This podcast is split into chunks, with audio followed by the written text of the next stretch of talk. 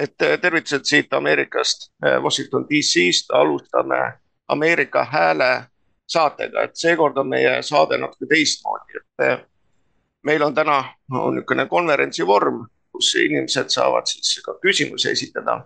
et alguses nii ütleme viis minutit, siis iga siin osaleja, meil on siin viis osalejat, räägib siis oma, omale huvitavast teemast, peale seda tutvustust siis saame temalt küsimusi küsida. et täna on meil siin kohal Karl-Olav Rääk, kes on IT-ekspert ja teab siis paljudest muudest asjadest, eriti ka World Health Organizationi asjadest. Mihkel Johannes Paimla, kes on Eesti eest.com portaali siis peatoimetaja. Ave-Maria Plait, kes on siis tuntud ajakirjanik nii siin kui sealpool lompi. järgmisena on Maarja Maripuu. Maarja Maripuu on ka kõigile teada-tuntud. tema saadet kuulavad siis tuhanded inimesed üle Eesti ja see on siis lihtsalt ja keerutamata on tema saade, ka tuntud kui konservatiivne mõtiskleja.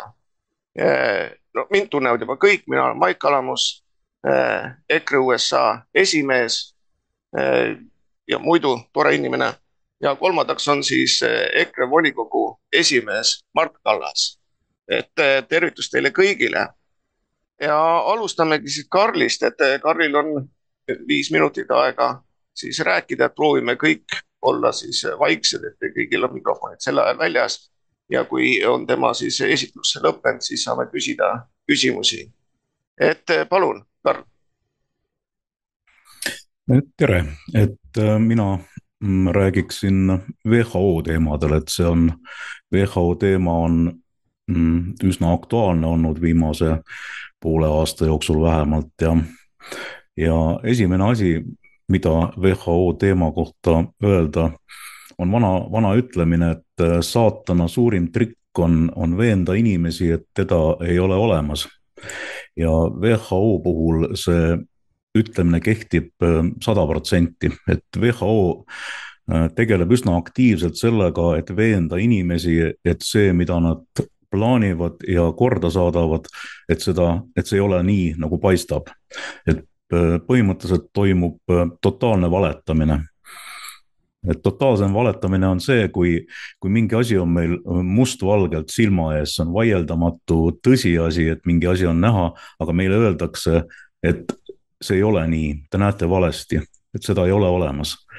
ja hea näide sellest on äh, WHO peadirektori Tedros, ta on Ghebreyesus tema hiljutine esinemine, kus ta, äh, kus ta läks kaamera ette ja täiesti sirge näoga teatas seal, et, et jutt sellest, et WHO äh, planeeritavad lepingu muudatused võtavad riikidelt ära suveräänsuse, et see on täielik vale, see on, see on valeinfo, mitte midagi sellist ei ole, et need lepingu muudatused ei võta mitte kelleltki mitte midagi ära.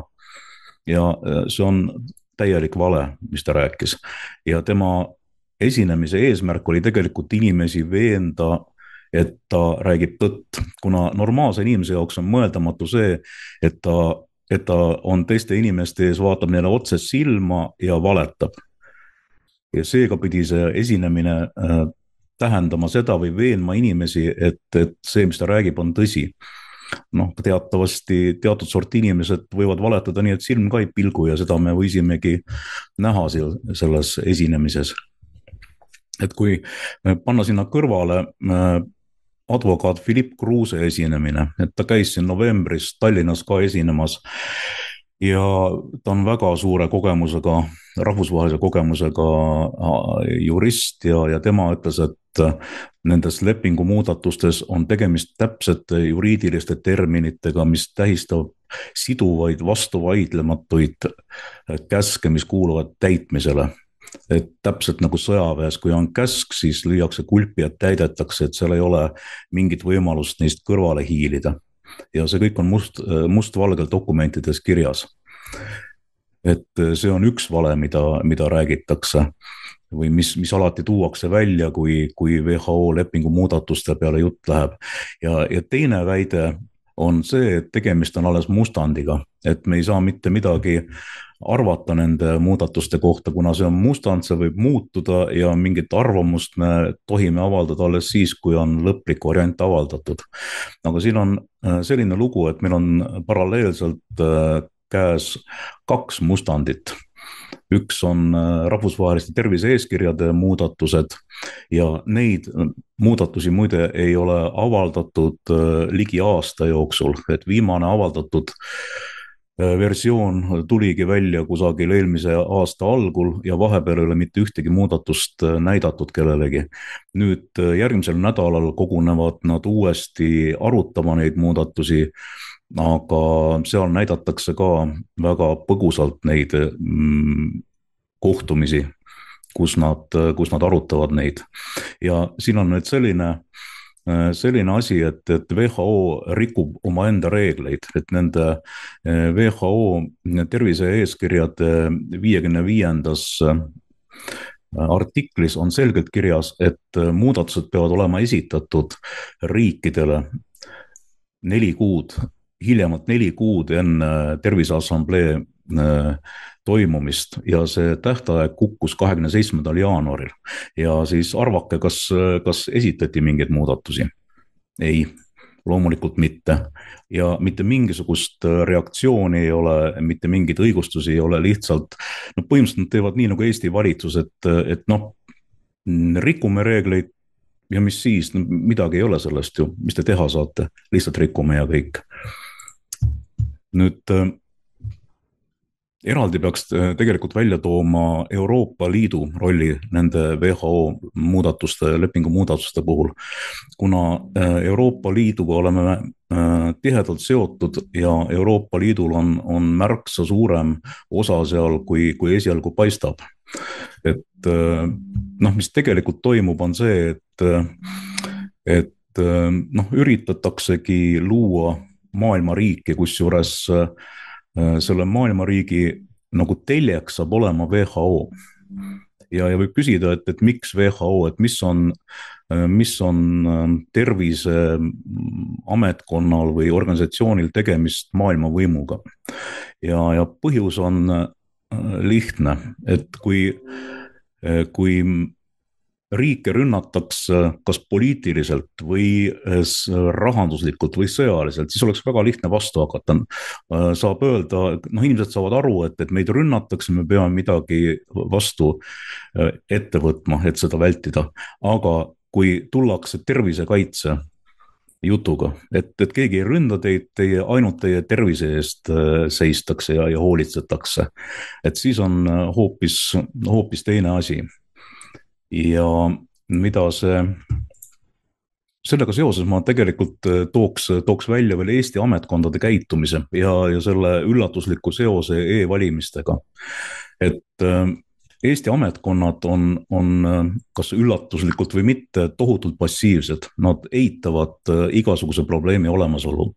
et siin mm, Ühinenud Meedikud ja Arstid MTÜ on pommitanud ametkondi kirjadega ja, ja siis ähm, Maailma Tervisenõukogu, see WCH Eesti on samamoodi pommitanud äh, argumenteeritud põhjalike kirjadega ja väga vähesed ametkonnad on vastanud neile, no näiteks tervise või mm, vabandust, mitte tervise, vaid õiguskantsleri äh, kontorist tuli umbes selline vastus, et tegemist on äh, tervishoiuprobleemiga ja meie sellega ei tegele.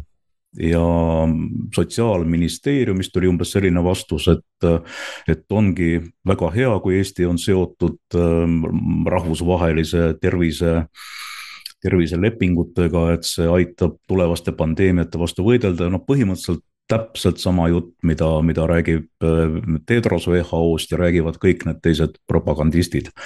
ja, ja kuidas see nüüd e-valimistega seotud on, et äh, me võime e-valimistega võidelda äh, alates tehnilistest detailidest ja, ja, ja mm, juriidilistest detailidest, aga tegelik põhjus, miks äh, e-valimisi hoitakse niivõrd kangekaelselt, on see, et e-valimiste abil hoitakse võimul tegelased, kes kaitsevad seda rahvusvahelise vandenõuseltsi äh, plaane. Et noh, head näited on, on see ähm, EKRE saadikute kiri mis saadeti, et, et Eesti, Eesti ei nõustu nende viimaste lepingumuudatustega. millise innuga äh, viskus ambrasuurile Liisa Pakosta Eesti kahesajast, kes tegelikult ju võimule said nad ainult tänu sellistele natuke imelikele valimistele. teine näide oli, oli siin viimane mm, Äh, kord, kui mm, Riigikogus tuli arutusele Kalle Grünthali mm, ette pandud äh, seaduse eelnõu selle kohta, et mitte lubada Eestis piisavalt äh, kontro-, mitte piisavalt kontrollitud medikamentide müüki. Mis tegelikult oleks nagu piiri pannud sellele, et, et siia saaks müüki paisata täiesti ohtlikke ja kontrollimata äh, aineid ja, ja kuidas see blokeeriti, et esiteks Irja Lutsar ajas seal no uskumatuid mullikesi Äh, kõnepuldis ja kui hääletuseks läks, siis kui, kui enne oli saal tühi, siis äh, mingisuguse kümne sekundiga kablutasid kohale kõik äh, koalitsiooni esindajad ja, ja lükkasid ühehäälselt tagasi selle eelnõu. Nad, nad täidavad, nad täidavad seda eesmärki, miks nad on võimule upitatud. ja, ja kuna selline eesmärk on, siis on näiteks e-valimiste tõrjumine väga raske, sellepärast et see vägi, mis seal taga seda üritab püsti hoida, on, on märksa kaugem ja suurem kui, kui kohalikud äh, võimukandjad. ja mm, mis siin veel, no tegelikult pikalt ma enam ei jätka, et siin muidugi rääkida oleks väga pikalt, aga, aga loomulikult äh, küsimus tekib, et mis siis teha selle vastu, et tundub, et, et äh, tohutud jõud püüavad meid ikka väga hullusti orgi otsa ajada selle WHO lepingutega. aga WHO inimesed ise on tegelikult äh, välja näidanud seda, mida nad kardavad. Nad kardavad seda, et inimesed aru saavad kõige hullem asi, mis nende jaoks äh, juhtuda võib, on see, et, et, et mingisugune ähm, mingisuguse riigi rahvas ütleb ei, me ei ole nõus sellega. ja veel hullem, kui, kui riigi valitsus ütleb ei, me ei ole nõus sellega, sellepärast et iga riigi valitsusel tegelikult on praegu veel õigus keelduda, tagasi lükata see ja nad ei saa mitte midagi teha sellega, nad ei saa sellest äh, eitusest mööda minna. kui aga need WHO lepingud jõustuvad vaikselt hiilimisi, nii et mitte midagi keegi ei tea, siis äh, läheb see märksa raskemaks. et äh, see on WHO praegune hetkeseis et sellega ma lõpetaks ka oma esinemise. nii, tänud, Karl, et äh, kohe võtame küsimusi, aga ma esimesena küsin ise, et äh, kui ma siin vaatasin, et äh, Rotary klubi on selline üks suurimaid sponsoreid WHO-l ja siis ma hakkasin mõtlema, et oot-oot-oot, et meil Tartus on ka ju Rotary klubi ja minu meelest on seal liikmeteks endised Eesti peaministrid, siis praegune president, et kas see kõik on omavahel seotud? mis sa arvad? no ju ta on, loomulikult kellelgi ei ole sellist, äh, sellist ähm, notariaalselt kinnitatud dokumenti, kus kõik äh, seosed on, on mustvalgel kirjas, aga loomulikult on seotud. vot inglise keeles on, on hea väljend kabal, mis tähendab sellist äh, vandenõuseltskonda, kuritahtlikku vandenõuseltskonda, vot ma ei tea, eesti keeles peaks selle ka vist kasutusele võtma, sest et noh, tõesti on tegemist äh, suure omavahel läbi põimitud, äh, omavahel käsi peseb kätt äh, meetodil, noh põhimõtteliselt kasumit taotlev selline kamp, kabal. jah, tänud, et Mart, sinul on küsimus ja ma tahtsin lihtsalt natuke kommenteerida võib-olla või juurde lisada Karl-Olavi jutule, et äh, siin mäletame väga hästi, kui ta WHO nimetas ahvirõugeid siin ülemaailmseks äh, katkuks ja kõik nii edasi ja Eesti valitsus tormas kohe ostma, osteti vist kaks tuhat viissada doosi ahvirõuge mingisuguseid vaktsiine. ja noh, need pole ühtegi vaja läinud ja vahve ka ei ole tulnud põhimõtteliselt, mõned ahvid on tulnud, kes on natuke ahvi moodi, aga noh, nad on ikka kahel jalal iseenesest aga ja täna nagu möödub ka kaks aastat sellest, kui põhimõtteliselt eh, meeleavaldajate, vaktsiinivastastele meeleavaldustele eh, saatis Eesti politsei siis koerad kallale. ja selle organiseeris iseenesest, eh, tookord oli ta osakonna ülem oli Valdo Põder oli.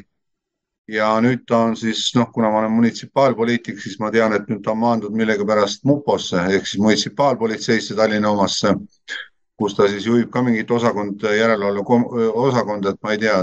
ja noh, tema selgitus oli ka veel ju üks, mida, mille pärast need koerad kallale saadeti, samal ajal toimus ju Madis Millingu matus eh, ka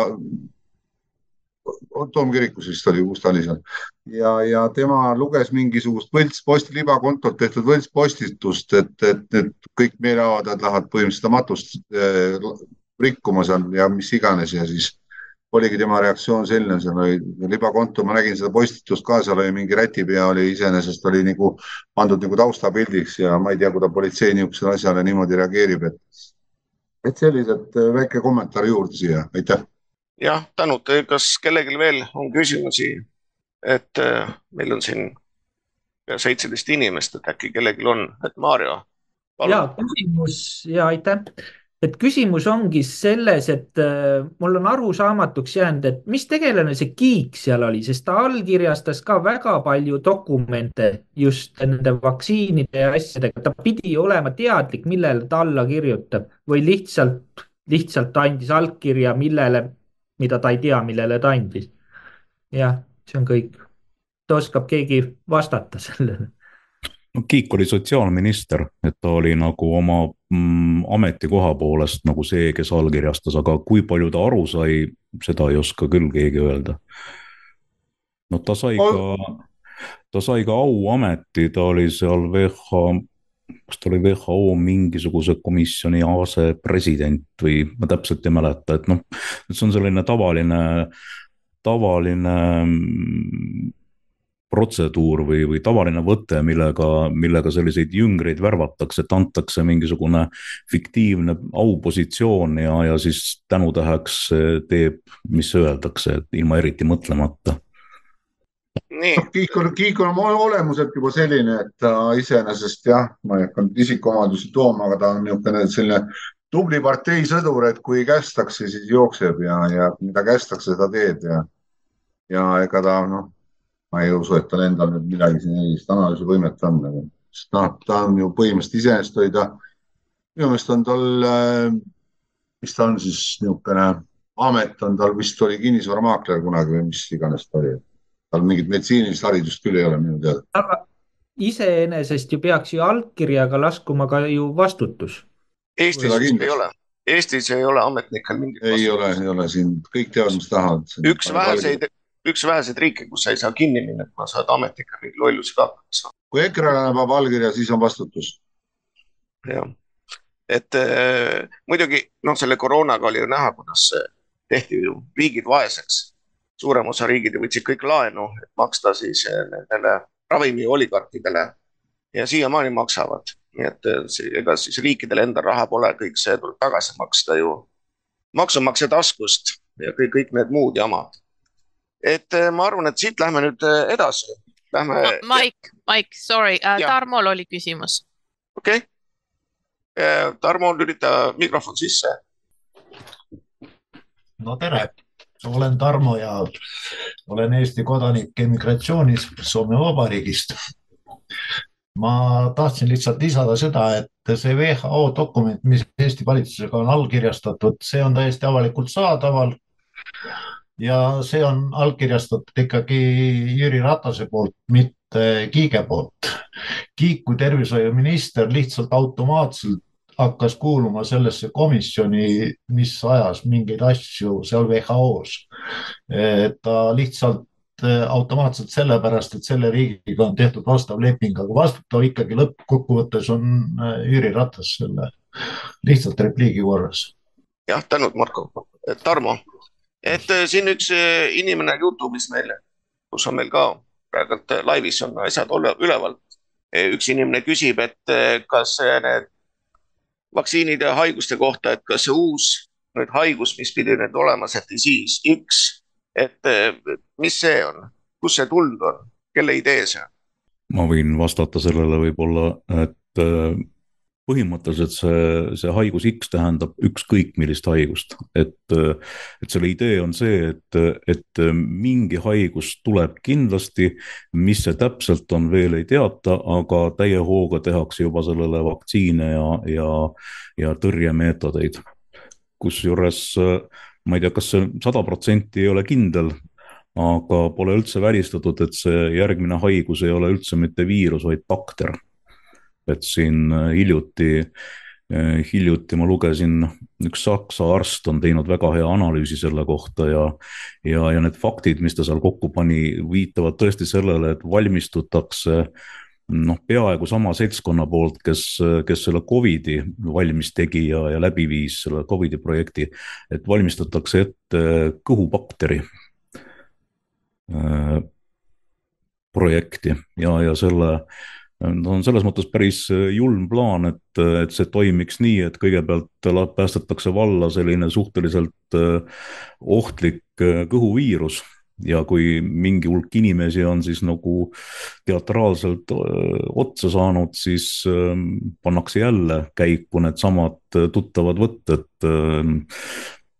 maskid ja, ja sund, nüüd mitte vaktsineerimine, vaid antibiootikumi kuur ja, ja noh, kõik see, et see nagu äh, selles mõttes on see nagu huvitav, et, et see rabaks nagu täiesti teise nurga pealt, et kõik ootavad uut viirust õhinal, aga, aga hoop tuleb hoopis teiselt poolt ja, ja üsna ohtlikult, et noh, see noh, muidugi see ei pruugi, pruugi nii olla ja, ja ei pruugi tõeks saada, aga, aga võib olla, nii et, et kui paneme tähele, et järsku hakatakse rääkima ohtlikust kõhuviirusest, et siis võib nagu öelda, et võib-olla ongi, ongi käima läinud jälle. aga üldiselt jah, see, see süsteem on väga-väga julm ja teemonlik, tegelikult seesama kamp, kes on WHO ümber kogunenud, nende plaan ongi äh, tekitada haigusi, tekitada ravi ja sundida terveid rahvaid ja riike ostma seda ravi ja alluma täielikule diktaadile läbi selle tervisetürannia. jah, täitsa usun, et omadest kogemustest võin ütelda, et neli aastat tagasi oligi mul selline kahtlane kõhuviirus, mida siis siin suured eh, targad arstid Ameerikas, kus professorid, doktorid ei suutnudki välja mõelda, missugune, mis, mis bakter see täpselt nüüd oli. ja noh, eh, ütleme, ega seal palju lootust ei olnud, aga imekombel ma pääsesin sealt välja, lõpus oli niimoodi, et ma sain võib-olla ühe päeva nädalas sain korraks jalule. et see oli ka kõik, aga, aga imekombel, eriti tänu Iisraeli arstidele, siis sain jalad uuesti alla, et nad eh, kahtlustasid eh, mürgitamist. nii et eh, noh, kes seda teab, kudapidi ja mis see oli, nemad ei saanudki lõpuni teada.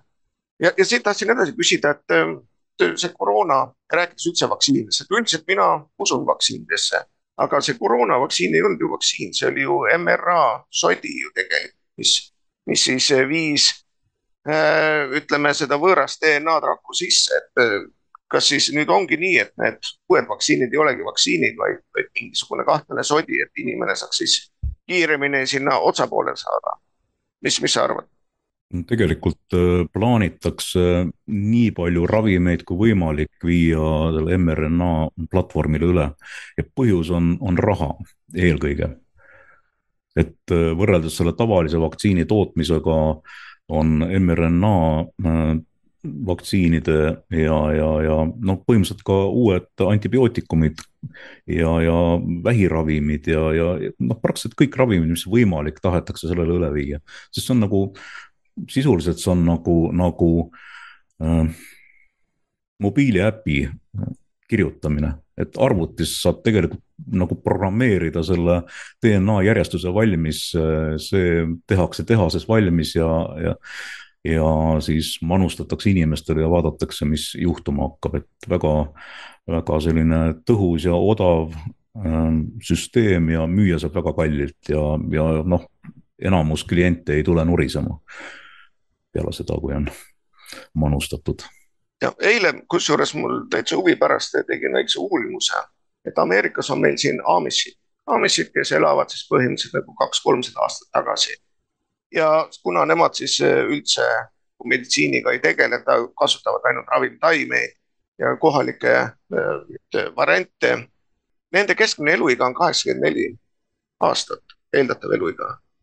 See on peaaegu kümme aastat rohkem, kui on siis tavalisel ameeriklasel. et kust see tuleb? Ave, ma annan sulle seda ma lisaks Amishite kohta seda ka, kuna ma elan üsna nende lähedal eh, ja tean nende kultuuri ja eluviise, ma ise ka selline poolmaakas, et Amishite seas ei esine ka autismi äh,, ärevushäireid, hüperaktiivsust väga vähe vähki äh, ja kõik see on mitte ainult seotud sellega, et nad ei manusta seda nii-öelda lääne meditsiini ja igasuguseid farmatseutika imelikuid äh, kokteile. see on seotud sellega, et nende eluviis on nii nagu Eestiski oli paarsada aastat tagasi. inimesed kasvatasid ise oma puhast toitu, ei kasutanud pestitsiide ähm, umbrohuga võitlemiseks. Äh, lapsed maast madalast peale jooksevad õues väljas äh, päikese käes. me teame, et vitamiin D on väga oluline organismile, mida ei saa eriti vitamiinitableti kaudu nii hästi manustada kui just õues värskes õhus päikese päikse käes olla. Nad teevad palju füüsilist tööd ise põldu kündes, ise aias mütates, maju ehitades. ja lastel on ka väga vähe allergiaid ja see ei ole ainult mitte Amishite puhul, aga enamus maalastel esineb väga vähe allergiaid, sest nad on väiksest peast harjunud heinatolmuga, igasuguste loomade, karvade, karvadega poris mängides, mis iseenesest juba kasvatab immuunsust. nii et kõik see kokku on järjekordne tõestus, et need vanad viisid, mida nüüd väga kangesti juur, üritatakse välja juurutada igalt poolt, mis on läbi aastatuhandete toiminud, toiminud, ongi kõige tõhusam viis terveks ja, ja tugevaks jääda. aitäh. Karl, mis, mis on sinu arvamus selle kohta, mis võib see põhjus olla? Noh, Naavega täiesti nõus, täpselt nii ongi, et, et puhas keskkond ja, ja väikesest peale treenitud immuunsüsteem, need annavad, annavad jah, hea, hea tervise. Ja, ja no vaktsiinidest rääkides on tõesti kasulikke vaktsiine, mis on, mis on haigusi ära hoidnud, aga vaktsiinidega seoses on ka väga palju müüte, et vaktsiinide tähtsust nagu kiputakse liiga suurena näitama. et noh, üks, üks fakt on kasvõi see, et, et räägitakse, et vaktsiinid aitasid seal nakkushaigusi tunduvalt vähendada või lõpu teha neile, aga kui, kui vaadata graafikut, nakkushaiguste esinemise graafikut, siis need nakkushaigused langesid juba pikalt aastakümneid enne seda, kui esimesed vaktsiinid äh, laialdasemalt kasutusele võeti, et see oli, juba oli see loomulik protsess ja vaktsiinid tõesti mõnel puhul aitavad.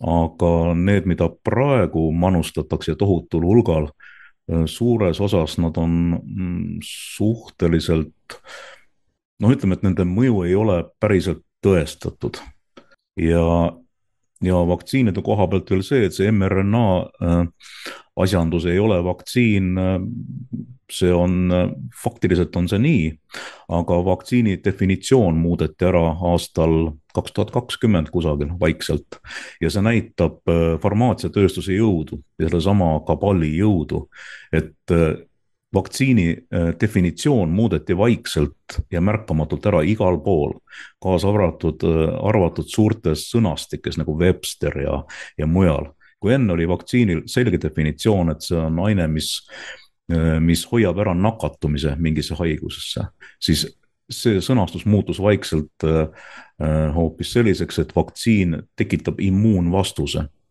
ja immuunvastus tähendab seda, et ta tekitab põletikku mitte ei, ei hoia haigestumist ära või, või aita haiguse levikut vähendada, vaid tekitab lihtsalt sellel vaktsiini saanul immuunvastuse. ja selle definitsiooni peal on, on mängitud terve, terve selle Covidi aja.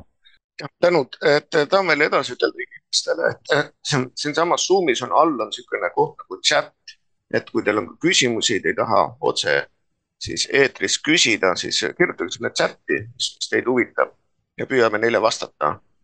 et äh, Mart, jah, sulle. ja väike lisakommentaar, et mul on elust enesest võtta noh, nii-öelda üks amish, et mul onu kahjuks jah, onu Karl suri mingi kolm kuud tagasi, aga, aga ta oli terve elu oli nagu ravimtaimede ja sellise loodusravide hulka ja maal elas, talus elas ja karm elu kõik, et äh, sõjast läbi käinud ja Vene partisanid viskasid tal veoautosse, viskasid granaadi ja sellest ellu jäänud ja siis raske avarii läbi elanud ja, ja kuu aega ja sajast aastast ei puudu. tal oli küll maavähk, aga siis maavähiga läks haiglasse ja paraku ikkagi suri, suri Covidisse lõpuks. et, et sellised asjad, aga kindlasti ja tal, tal olid põhimõtteliselt kõikide haiguste vastu olid omad maarohud ja omad segud ja kõik nii edasi, et seda oli väga huvitav iseenesest lugeda ja ma olen selles suhtes olen ka maarohu usku, et, et võib-olla minus on natuke midagi kuskilt otsast ka missi järgi, aitäh. ja tänud, et äh, me läheme siis edasi järgmise külalisega, kelleks on siis Mihkel Johannes Paimla Eesti eest uudistest. et äh, hakkame pihta. palun, Peeter, sinu. ja aitäh, tervist siis kõigile. mina siis täna räägiksin äh, Euroopa talunike protestist, millest äh, massimeedias räägitakse pigem vähem kui rohkem. ja siis äh, ülevaatlikult võiks siis rääkida, et kuidas see kõik sinnamaale jõudis, kus me täna oleme et enne Saksamaal alanud ja nädalaid kestva streigi algust oli Saksamaa majandusministri ja valitsuse plaan kärpida põllumeeste maksusoodustusi. vihased põllumehed näitasid neljandal jaanuaril ennast majandusministrile, ent vastuseks saadi põllumeestele siltide kleepimine. kuigi loobuti osaliselt toetuste kärpest, siis põllumehed polnud sellega ikkagi rahul. ja siis samal ajal Eestis äh, oli teema Eestis pigem niimoodi, et viriseti, kuid lepiti ja armastati palavalt Kaja Kallast. vahetult enne protesti algust Saksamaal kirjeldas Ants Noot siis äh, Eesti põllumeeste olukorda. lisaks ebasoodsatele ilmastikutingimustele seisid ettevõtted silmitsi jätkuvalt kõrgete sisendihindadega, heitlike energiahindadega ja survega tööjõukulude tõusuks, samal ajal kui piima ja teravilja kokkuostuhinnad jäid selgelt kahe tuhande kahekümne teisele aastale alla. tõsiasi on, et kergemaks ei teinud elu ka uue ÜPP Euroliidu ühise põllumajanduspoliitika strateegiakava rakendamine järjest keerulisemate toetusmeetmetega ja vähenenud otsetoetuste tasemetega ja veel meie kõigi ühine soov on kindlasti see, et looduskaitselised ja kliimaeesmärgid oleksid mõistlikus tasakaalus sotsiaalmajanduslike ja toidujulgeoleku alaste eesmärkidega. meie ettevõtjad on võtnud endale ülesandeks meie inimeste toidulaua kindlustamise omamaise tervisliku maitsva ja väikese süsiniku jalajäljega toiduga. sellest lähtuvalt Eesti Põllumajanduskoda elab äh, utoopias. Ja kaheksandal jaanuaril siis kaks tuhat kakskümmend neli algas Berliinis võimas demonstratsioon juba Brandenburgi väravatel. Berliinis tekkis ka liikluses kaos kuigi valitsus püüdis väita, et põllumajandussektorit subsideeritakse kõrgelt, siis see jutt oli tühja kõlaga ja võimudele vastandusid opositsioon CDU, CSU alternatiiv Saksamaale ja vabad valijad, kes on avaldanud põllumeeste aktsioonidele toetust. Üheteistkümnendal jaanuaril oli otsene kokkupõrge politsei ja põllumeeste vahel, kuhu oli ka tulnud Solts, kes keeldus kohtumast põllumeeste esindajatega. ja see jõudis ka laieneda Prantsusmaale. üheksateistkümnendal jaanuaril blokeeriti kaks kiirteed Prantsusmaal Occitanias ja see oli alles algus. kahekümne kuuendaks jaanuariks jõuti Pariisi kiirteede blokeerimisele vaatamata kohtumistele sooneutraalse peaministriga ei saanud kõik küsimused vastused, mis tähendas äh, streigi jätkumist ja teema ikka selles, kuidas põllumehi alaväärtustatakse. Prantsusmaa on ka Euroopa Liidu suuremaid põllumajandustooteid. vahepealsel ajal muudeti osa kiirteedest ka põllumajandusmaadeks. kolmekümnendal jaanuaril valitsus teatas viieteistkümne tuhande politseiniku lähetamisest peamiselt Pariisi piirkonda, et peatada meeleavaldajate jõupingutused pealinna sisenemiseks. ohvitserid ja soomustatud sõidukid paigutati ka Pariisi värskete toiduorude keskusesse Rungise turule. esimesel veebruaril suunsid põllumehed Pariisis parlamendi alamkoja poole. droonikaadrid näitasid protesti ulatust massiivne traktorite konvoi Jossigny lähedal kiirteel. samuti blokeeriti mitu maanteed Pariisis ja selle ümbruses ja ka põllumehed Poolast tulid tänavatele kahekümne neljandal jaanuaril avaldamaks protesti valitsuse vastu ja jätkuaktsioonid kahekümne kuuendal jaanuaril. Ja Belgiaski põllumehed blokeerisid kahekümne kaheksandal jaanuaril riigi lõunaosas tähtsa maantee osana üha kasvavast rahulolematust üle Euroopa. mõnele traktorile oli kinnitatud Belgia ja ametiühingu lipud. plakatitelt võis aga lugeda, kui meie sureme, teie nälgite ja lapsepõlve unistus on muutunud õudusunenäoks. esimene veebruar kaos puhkes Euroopa Parlamendi ees Brüsselis, kui põllumehed viskasid hoonele mune ja kive ning alustasid tõkkeid ja panid läheduses ilutulestikku käima ja Holland, äh, Prantsusmaa, Saksamaa läksid täiskäigul streikima, kuid mis meil Eestis toimub, Eesti põllumees ütleb kommentaariumis, meie teeme tööd, mitte ei protesteeri. ja noh, see on minu subjektiivne arvamus, aga arvatavasti see põllumees on endale juba selle mRNA 5G grafeeni kehasse manustanud. ja samal ajal EKRE saadikud kahekümne viiendal jaanuaril kaitsesid eelnõud, mis taganuks äh, hädaolukorras äh, toidu varustatuse, aga nagu siingi vale valitsus hääletas selle seaduseelnõu kiirkorras maha. ja Leeduski, ütleme siis mujal on ka protestid äh, Euroopas ehk siis Leedus tuldi protestima madalate toetuste vastu ja samuti Itaalias, Rumeenias, Hispaanias, Kreekas, Iirimaal, Hollandis, Sloveenias ja Portugalis. ning siis äh, võib öelda ka Itaalia kohta mõned sõnad kümned Itaalia põllumehed avaldasid nüüd lõppenud nädala teisipäeval Milano lähedal traktoritega meelt, kogunedes ühele viimasel ajal üle riigi hoogu võtnud protestiaktsioonidest. ja ka sellest Brüsseli aktsioonist veel natuke pikemalt. Delfi kirjutab siis peaministri unetustööst. Eesti delegatsiooni hotell Euro Brüsselis oli kohas, mis täitus ööseks traktoritega meelt avaldavate põllumeestega.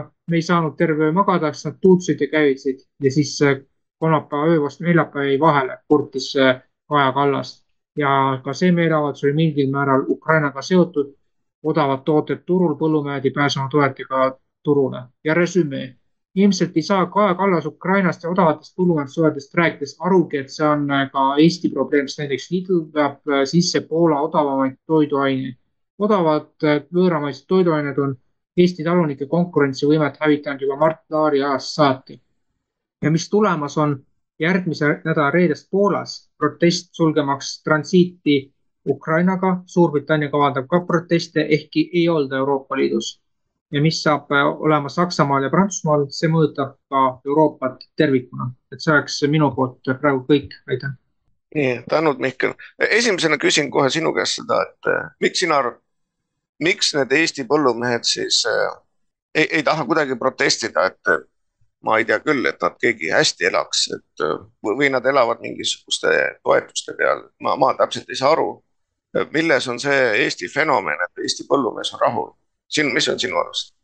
minu arvates siin võib öelda niimoodi, et suuresti elatakse toetuste peal, aga samas siin eelmise aasta lõpus ju Regionaal- ja Põllumajandusministeerium jättis osadele põllumeestele selle samuse toetuse maksmata kuuks ajaks vähemalt, aga sellest midagi nagu suuremat ei juhtunud, et äh, ma väga imestan, kui lõviosa nendest äh, põllumeestest tuleks äh, välja, aga see oleks juba pigem selline teatud mõttes solidaarsusaktsioon, aga see ei kaasa ikkagi paljusid põllumehi, kes noh, see on jälle see mentaliteet, et Jüri peal on vaja kindlasti põldust hakata harima, aga selle asemel, et tulla välja ja näidata oma rahulolematust selle võimude suhtes, et viimased suuremad aktsioonid ju siin minevikus olid aastatel kaks tuhat viisteist, kaks tuhat kuusteist ja siis top-up'i saamiseks veel kaks tuhat üheksateist, aga muidu põllumehed on äh, hoidnud äh, madalat profiili. jah, tänud, et äh, eile rääkis mul sõber niisuguse väikse jutu, et küsimus, miks see Jüri omal ajal tuksi läks, oli see, et osad põllumehed ütlesid, neil on vaja põldu harida, neil ei ole aega kohale tulla. et kas kellelgi on mingeid küsimusi või selle peale repliike? jah, ja et miks Eesti põllumehed ei streigi, täna oli Martini ja Mart Helme saade oli ka ja minu meelest Mart võttis väga ilusti selle asja kokku, et äh, ma resümeerin peast nagu umbes, et äh,, et esiteks on see, et nad on äh, põhimõtteliselt nad natuke kardavad ka, et sest sellepärast riik on teinud, äh, süvariik on teinud kõik selleks, et nad ei oleksid taltsad. Sest kui mingi põllumees hakkab kuskil protesteerima, siis kõigepealt lendab talle peale seal ütleme Maksuamet, siis lendab Keskkonnaamet peale, eks ole, kohe hakatakse inimest hakatakse põhimõtteliselt vaikselt niimoodi viisakalt represseerima, eks ole, ja ja nad ongi ära hirmutatud ja põhimõtteliselt, eks ole, PRIA nõuab toetusi tagasi, keegi nõuab mingit, ma ei tea, mis asju, noh, amet põhimõtteliselt leiab kõik, eks ole, nagu vanasti. ja nõukogude aeg oli see, et andke või noh, Stalin ütles ju, et andke inimene, küll me paragrahvi leiame, eks ole, ja ega samasugune olukord on põhimõtteliselt Eesti põllumeestega ka, et, et ega, ega natuke on ära hirmutatud ja ütleme, need äh, on tunda ju, korra nad siin üritasid midagi protestida ja need põllumehed kõik siin, me mäletame isegi, kui kui EKRE oli valitsuses, siis kuidas põllumehi siin ja näiteks ütleme seda voolikalagi leiti mingi listeeria, taheti leida listeeria. see, kes listeeria leidis, on nüüd Viini, Viimsi vallavanem, eks ole, noh au talle ja kõik umbes niimoodi, et leiti talle kohe soe töökoht ja, ja põhimõtteliselt eh, kadus, kadus inimene, inimene suri ära ja oligi listeeria otsas ka ja, ja noh, et, et siuksed asjad on kõik jah, need käivad vaikselt ja, ja kuskilt taganurgast tulevad, aga nad paraku on olemas jah. Põllumehed üritavad siin ellu jääda, aga noh, eks Eestis on ju energia hind või elektri hind on ju maa, Euroopa kõrgeim praegu ja kõik need asjad põhimõtteliselt noh, kindlasti põllumees on leplik ka selles suhtes, rohkem leplik võib-olla kui, kui lõunamaa inimesed siin, aga jah, eks ta on natuke imelik küll. aitäh. tänud, et Tarmo, sa soovisid midagi lisada? ja ma tahtsin lihtsalt eh, Mihkli nagu ettekande lõpuosas tuli ka väga hästi välja, aga eelkõige EKRE inimeste käest tahaks küsida seda, et kas te olete nõus sellega, et eh, suures osas olid need eh, kestvad Euroopa protestid ka sellepärast, et Ukraina odav teravili on üle ujutanud Euroopa loomasöödaturu millega Euroopa farmerid sugugi nõus ei ole ja teine põhjus on see, et Euroopa on üle ujutatud Ukraina odavatest rekkajuhtidest, millega ei ole Euroopa rekkajuhid nõus. ja, ja sellega seonduvalt kogu see Euroopa Liidu juhtpoliitikute hüsteeria selles suhtes, et Ukrainast peab iga hinna eest saama Euroopa Liidu liige. et nagu täiesti mõistmatuks jääb see, milles on tänaste Euroopa Liidu liikmesriikide kasu sellest, et selline mülgas nagu Ukraina saab veel üheks liikmeks, kes mitte midagi sisse ei too Ukra äh, Euroopale, vaid vastupidi, viib selle, mis siiani jagati meie vahel ära, viib selle ka meilt minema. et palun, EKRE, sõna on teil. nii, kes tahab kommenteerida? Äh, Mart, vajuta nuppu no ma võin kiiresti natukene rääkida ennem kui. ja räägi. no, no nii, et eh, mina tahtsin seda lihtsalt ütelda, et, et Ukraina on olnud korruptsioonipesa pikka-pikka aega, ta on kõige suurem korruptsiooniga riik, ütleme eh, maailmas peaaegu ühe kõige suurima, seal pestud läbi kõiksugu rahasid, ega Eesti teistmoodi ei ole, sellepärast ongi kõigil huvi seal eh, äri teha, nii Bidenitel kui kõikidel teistel, et mis, mis on sellest kasu, on see, et äh, Ukraina on ju tühjaks jooksnud, seal on vist kakskümmend kolm miljonit inimest järgi jäänud, ennem oli nelikümmend miljonit. Äh, noh, neid on üle maailma laiali saadetud. mis kasu on? kasu on need põllumaad, põllumaad endale saada. noh, nii nagu ütleme, äh, kuidas on nende suurte riikide majandusmudel on ju ainult kasvamise peal ja kasvada saab ainult teiste arvel ja teisi vaesemaks tehes. kui Eesti läks Euroopa Liitu, kas Eesti sai rikkamaks? Kindlasti mitte. see on võib-olla ainult väliselt sai keegi uuema telefoni osta, aga põhimõtteliselt ei saa, jäi ju Eesti aina vaesemaks ja vaesemaks ja loomulikult nüüd nad ühi, rühivad sihti Eesti maavarade peale ja noh, kui on eestsed ehk aborigeenid vaeseks tehtud, siis ongi lihtne neid kõik käest ära võtta. Ukraina samamoodi, see on tühjaks jooksnud seal. ütleme, seal on maa, maailma parimad põllumaad, BlackRock ostab kõik praegu üles usinalt nii et eh, noh, ida pool on muidugi, kus on maavarad, aga, aga eeldatavalt jääb see kõik Venemaa kätte. ja miks Euroopa Liitu, sest et nad on paanikas. Eh, see on, praegult on, ütleme nagu eh, niisuguse traadiga kinni, et hoitakse pätsi kinni, et ta laiali laguneks, aga kui siin konverentsil käid, siis praktiliselt kõik Ida-Euroopa riikide inimesed räägivad sellest, kuidas see on väga-väga lähedal lagunemisele samamoodi nagu Poolas, Poola on ju tegelikult praegusel hetkel on nagu süütepomm, just täna hommikul oli mul siin kohtumine veebi vahendusel Poola siis kõrgemate inimestega, kes ütlesid, et siin võib nädalate jooksul juhtuda see kodusõda. midagi väga tõsist võib juhtuda, nii on ka igal pool mujal.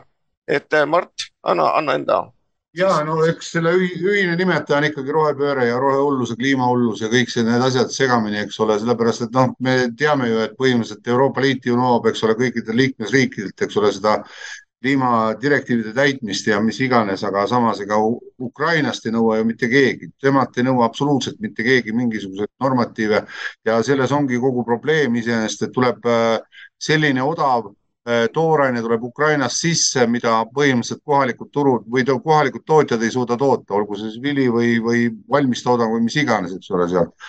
ja tulebki, noh, me nägime sama, eks ole, iseenesest ju siis, kui hakkas ju siin Eestis hakkas esimesed rohejutud hakkasid peale, siis põhimõtteliselt Vene elekter tuli ikkagi, tuli põhimõtteliselt Soome kaudu tuli ikkagi meile, eks ole, mööda Estlinki ja ostsime ja, ja valgustasime oma tubasid kõik ikkagi Vene elektriga, mis ei olnud mingisuguseid kliimanõudeid ega looduskaitsenõudeid ega mitte midagi, noh. sama on, sama on sellega ka ja ega siis noh, ütleme, kes on, kes on Ukrainale lähemal, need protestivad ühe asja vastu ja kes on natuke kaugemal, need protestivad oma inimeste, oma valitsuste vastu ja Euroopa vastu, eks ole, selle rohehulluste ja nende direktiivide peale. siin on ju noh, Hollandis on ju põhimõtteliselt näha, eks ole, mis näiteks Hollandis ütleme, et kus põhimõtteliselt on juba võetud vastu ju otsused iseenesest, nii palju põllumaad tuleb ära, ära kaotada ja panna need päikesepatareide alla. kordan veel kord, päikesepatareid, mis tulevad Hiinast, mis on üheksakümmend viis protsenti maailma päikesepatareidest toodetakse Hiinas ja nende kestvusaeg on kuskil kakskümmend, kakskümmend viis aastat ja noh, meil oli väga huvitav siin äh, Riigikogus näiteks käis meil rääkimas, tutvustamas tuumajaama, siis tuumajaama ehituseks on vaja sul põhimõtteliselt anda kogu see protsess, eks ole, tuumajäätmete eh, matmine ja kõik, eks ole, kus need saadakse ja kõik, kõik, kogu see protsess peab olema hinna sees. siis näiteks tuuleenergial, päikeseenergial on see lõpp-protsess ehk siis utiliseerimine on ära jäetud ja keegi ei arvesta seda, eks ole, kui meil siin öeldakse, et maakera põleb, kus, missugune maakera me jätame oma lastele, siis põhimõtteliselt kahekümne, kahekümne viie aasta pärast ongi niimoodi, et meil on eh, isegi Eestis on sadu-sadu tonne äh, päikesepaneele utiliseerimiseks. Ja sama on nende tuuleparkidega ka, eks ole, seal on kõik see materjal, mis on, eks ole, kui sa paned merre ikka Tallinna teletorni suuruse kolmsada kaheksakümmend meetrit, eks ole, või kaheksateist meetrit, vabandust. Äh, paned ikka niisuguseid tuulikuid, paned sinna, mis nad tahavad praegu panna esialgu kuuskümmend tükki sinna, siis põhimõtteliselt on seal äh, kahekümne, kolmekümne aasta pärast, kui meil lapsed on suured, on neil tiivikutel, tiivikud sorgus seal ja meie lapsed peavad hakkama mõtlema, kuidas nad seda vahetada saavad, eks ole. ja noh, kogu see asi on põhimõtteliselt nii tagurpidi Jantsla, et äh, vähe ei ole. et äh, jah, ja noh, ütleme niimoodi, et lõpuks siis veel ka, et munitsipaaltasandil, et ma olen seda ühest saatusest rääkinud ka eelnevalt siin, et noh, me kohtusime Tallinna volikogus, kohtusime põhimõtteliselt äh, Tallinna jäätmejaama mingisuguse utiliseerimise spetsialistiga ja ma küsin ta käest, et noh, et päiksepaneelid tulevad Hiinast, et et äh, kuidas nende utiliseerimine käib, et praaki tuleb ka kindlasti sisse, et mis te teete nendega? Ja no ta väitis, et äh, põhimõtteliselt ei ole mingit tehnoloogiat ja isegi sealt mingeid taaskasutavaid juppe kätte saada, see on nii töömahukas protsess ja kasu ei ole seal mitte midagi, et see on miinusega töö iseenesest. Ja utiliseerimine käib põhimõtteliselt täpselt sama tehnoloogia järgi nagu Eterniiti. kui, kes nõukogude aega teavad, siis Eterniit on selline asbestist äh, pressitud mingisugune katusekattematerjal. Ja et kopaga auk maasse, väike betoonikiht põhja ja matan maha ja ongi kõik ja päiksepaneelidega täpselt samamoodi. ja taas tekib küsimus, missuguse planeedi me jätame oma lastele. jah, tänud, et eh, Karmi, kas sa. kas Tarmo sai vastuse? Okay. kas, kas sa oskad eh, natukene arvata, mille pärast seda Ukrainat nii hirmsasti sinna Euroopa Liitu tahetakse? No üks põhjus on kindlasti see, et Euroopa Liit on algusest peale olnud impeeriumi projekt. ükskõik, mida seal algusest peale räägiti majandusühendusest ja, ja riikide suveräänsusest, algusest peale on sellega seotud inimesed selgelt välja öelnud, et tegemist on impeeriumi projektiga ja tegemist on lihtsalt impeeriumi laiendamisega ja polegi tähtis, mis seal Ukrainas praegu toimub. tähtis on see, et see maa saadakse kätte, saadakse kätte ka need inimesed, kes noh, nad võivad korrumpeerunud olla, aga tarbijad nad ikka, nagu Eestiski äh, hakkavad ostma välis, välis kompaniide toodetud toitu ja asju ja, ja teevad sealsamas põllumaadel tööd, nii palju, kui neil seal vaja on. et tegemist on puhtalt impeeriumi laiendamisega koos, koos muude asjadega. nii et selles. ja maavarad muidugi, Ukraina on ju maavarade poolest väga rikas, eks ole noh, meid ka ju tegelikult, tegelikult tõmmati kõvasti ninapidi sellega, et, et tehti nägu, et me pidime tohutuid painutusi ja kükke tegema selleks, et meid võetaks sinna eh, imepärasesse Euroopa Liitu. tegelikult oleks vastu võetud ka siis, kui me oleks vastu punninud, me oleks kõrvupidi oleks tiritud sinna. kui me poleks mitte mingeid tingimusi täitnud, sest neil oli vaja saada seda Eesti maad kätte ja Eesti rahvast kui tarbijaid ja ja täpselt nii läheb see edasi, täpselt samamoodi üritatakse võtta ka need Balkani riigid, mis seal veel jäänud on ripakile, need üritatakse samamoodi tõmmata Euroopa Liitu. no siin on tohib kui tohib, et siin on ju põhimõtteliselt ju olukord on muutunud seoses Ukraina sõjaga ja Vene turu ärakaotamisega ka, et ega Euroopa Liit tahtis ju Eestisse tulla selleks, et siin oleks hea platvorm, eks ole, minna siis suurele ja põhjatule Vene turule, eks ole, aga, aga nüüd on hetkeolukord on selline, et ega me näeme ka, et ega siis nüüd tehti meist nagu netomaksjateks juba ja tahetakse odavamaid riike sisse võtta, et, et me saaksime ikka rohkem maksta sinna ühisse äh, kassasse, ühiskassasse julgen öelda isegi maffia väljendeid ja, ja, ja aga samas me oleme jäänud ju täielikuks ääremaaks ja noh, ütleme, kui me vaatame isegi kaarti, eks ole, siis, siis Eesti ei ole nagu mitte midagi tegelikult. nii kurb kui see ei ole, et äh, meilt Venemaale liiguvad ainult tähendab Venemaalt siiapoole liiguvad ainult niinimetatud Putinit vihkavad eh, venelased, eks ole. ja kui need kasvõi üks protsent on, siis see on sama suur arv nagu Eesti rahvastik praegu, et eh, Kaja Kallas on nad loomulikult ja sotsid ja Eesti kakssada on kindlasti nõus kõik vastu võtma, et me peame ikka kõik vastu võtma, et mis siis, et oma riik hävib? Ühelt poolt hävitab seda Euroopa Liit ja teiselt poolt hävitab siis valitsuse, tänase valitsuse eh, päevapoliitika ja, ja, ja nii ta läheb, et kahju, ma ei tea, kas me suudame seda peatada, aga noh, lootus sureb viimasena. jah, ma, ma lisaks siia juurde seda, see ei ole muidugi EKRE ametlik seisukoht, see on minu seisukoht, et millest ma räägin ka pärastpoole vähe pikemalt, see, et mina näen, et Eesti peaks hakkama uuesti mõtlema täielikule iseseisvumisele. et lihtsalt ma ei näe mitte mingit muud varianti eh, selle riigi päästmiseks ja noh, eks siit edasi tulevad vastavad asjad. ja praegult ma just vaatasin seda, et neid vaatab Youtube'is laivis äh, üle kolmesaja kolmekümne inimese. et soovin, soovitan kõigil, kes mind kuulevad, jagada seda linki siis äh, Facebookis, äh, Twitteris, kus iganes on võimalik, et tuleks äkki veel juurde inimesi. kolmsada on muidugi rohkem, kui me eeldasime. aga siit lähme edasi. Kääbis võib ka jagada. kus kohas? Kääbis, Kääbis, Kääb, mis ta on, Kääb, ikka Kääb, CAB. jah ja siis eh, järgmisena võtame ette siis Ave teemad. Ave, Maria Plait, nüüd on eeter sinu. tere, tere, äh, mina olen Ave-Maria Plait, ma põgusalt tutvustan ennast, sest ma ei tea, kui, kui kui tuttav ma kõigiga olen. ma olen sündinud ja kasvanud ja koolis käinud Tallinnas. USA-sse sattusin tuhande üheksasaja üheksakümnendal aastal, siis ühesõnaga veel nõukogude ajal ja mingit plaani ei olnud siia elama jääda, aga avanes võimalus äh, minna õppima ühte prestiižisse äh, ülikooli UCLA-sse ehk siis University of California in Los Angeles. Um, tuhande üheksasaja üheksakümne üheksandal aastal sai minust täieõiguslik USA kodanik ja sellega avanes siis võimalus ka osaleda USA valimistel tavaliselt eh, valimisnimekirja, tähendab eh, valimisõigusega kodanikuks satud juhilubade saamisega. see üks protsess, üks ankeedi osa ongi, et kas sa soovid ennast registreerida kui, kui valimisõiguslik kodanik. Kusjuures huvitav on see, et kui sa juba kord nimekirjas oled, siis näiteks ma ei tea, kuidas teistes osariikides on, aga näiteks New Jersey, kus ma olen pikemat aega elanud, siin sa lihtsalt kõnnid valimisjaoskonda kohale, ütled oma nime äh, vaadatakse, et jah, oled nimekirjas küll, aga keegi ei küsi su käest äh, passi või juhiluba või sa ei pea ennast tõestama, et mina tõesti olen mina. Mario, eeter on sinu.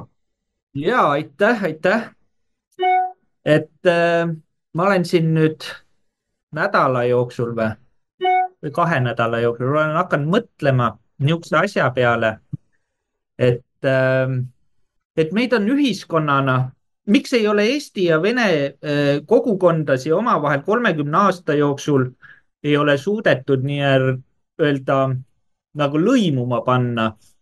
Ja, ja, ja see on mind nagu mõtlema pannud.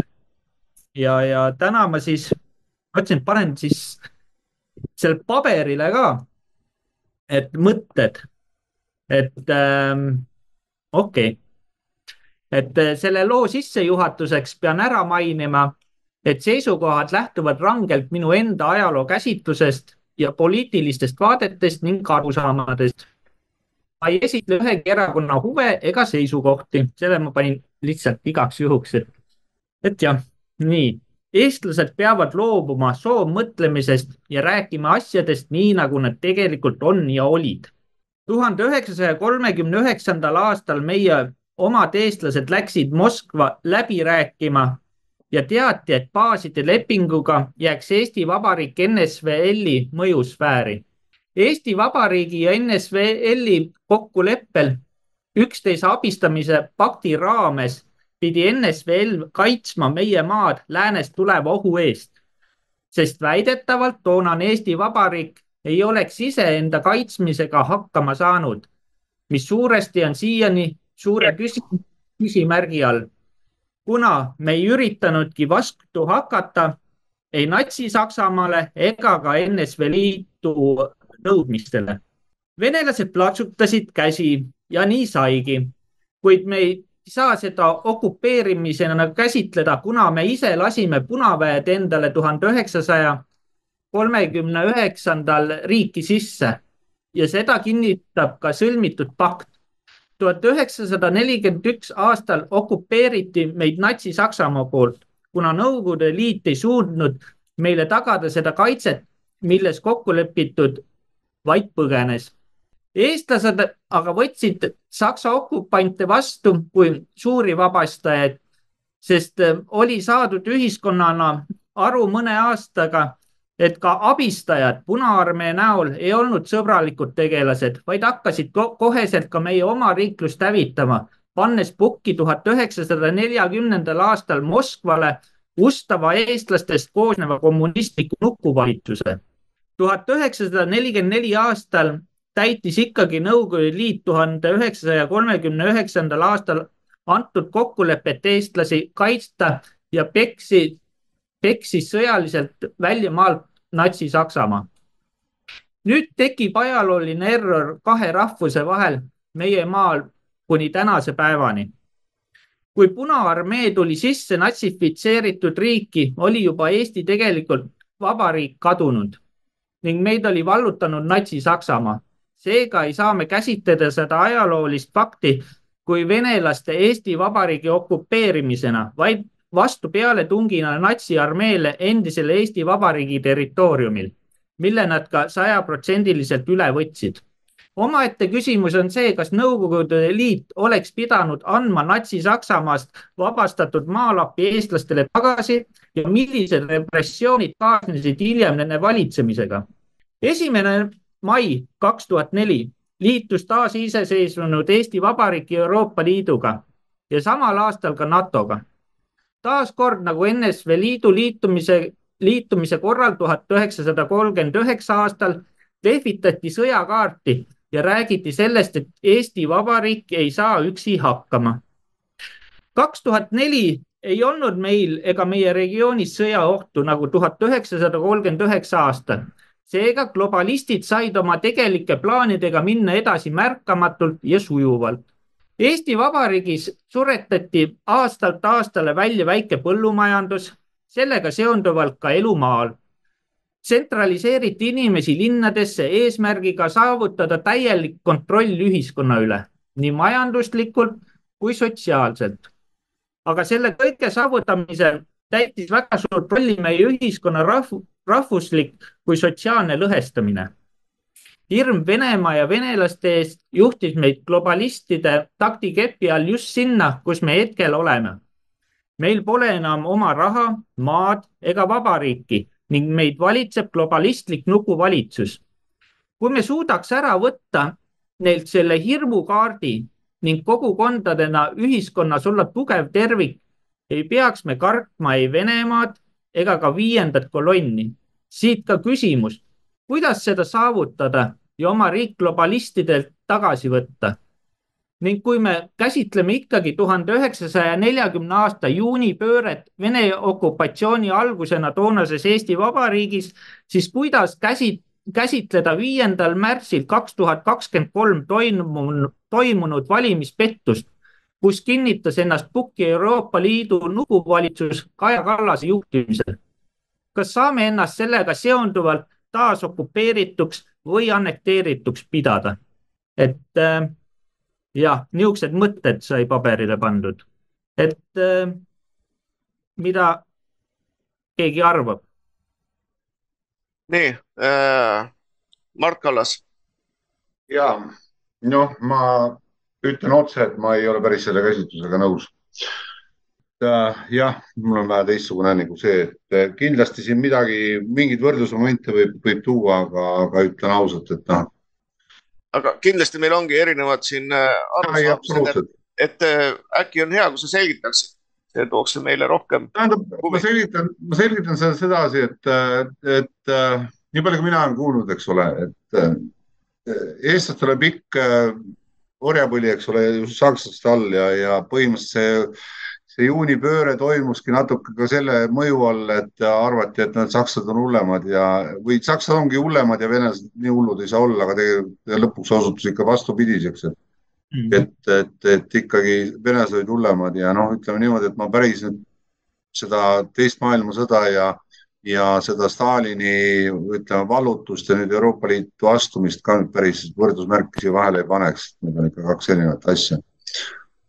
aga noh ütleme, eks nad mingisuguse võrdluse põhimõtteliselt kannatavad välja, aga noh, jah, mitte päris nüüd seda ja, ja vene inimesed ikka, kes siin elavad, nad on ikka põhimõtteliselt meile ikka sisse toodud ja ma olen ise see selle aja inimene, kui need kõik, kui neid kõige rohkem tuli ja ma nägin, mäletan oma Rakvere ajast ka, kui praegugi lugupeetud ja üle Eesti tuntud Oleg Kross, kes on ettevõtja, elasime kõrvuti majades ja noh, tema oli juba siis juba äkki, mis ta võis olla, no ta on kümme aastat vanem must ehk siis noh, ma olin võib-olla kümneaastane poisike ja tema oli siis kahekümnene või oli ma kaheksa või kuskil seal kaheksateist ja mäletan, ta sõitis Javaga ringi ja meil tuli esimene Tallinnas on, või Rakveres oli selline linnaosa ehitati spetsiaalselt neile ja, ja toodi kohe bussidega ja rongidega tulid ja, ja kõik ja, ja Kross kutsus üles, et lähme anname neile nuuti seal ja, ja läksime kõik, aga noh, ega siis lõpuks, lõpuks ikkagi nad tulid Nad tulid ja tulid ja tulid ja see oli põhimõtteliselt rahvuse kaotamise poliitika, eks ole, mis Nõukogude Liidus aeti.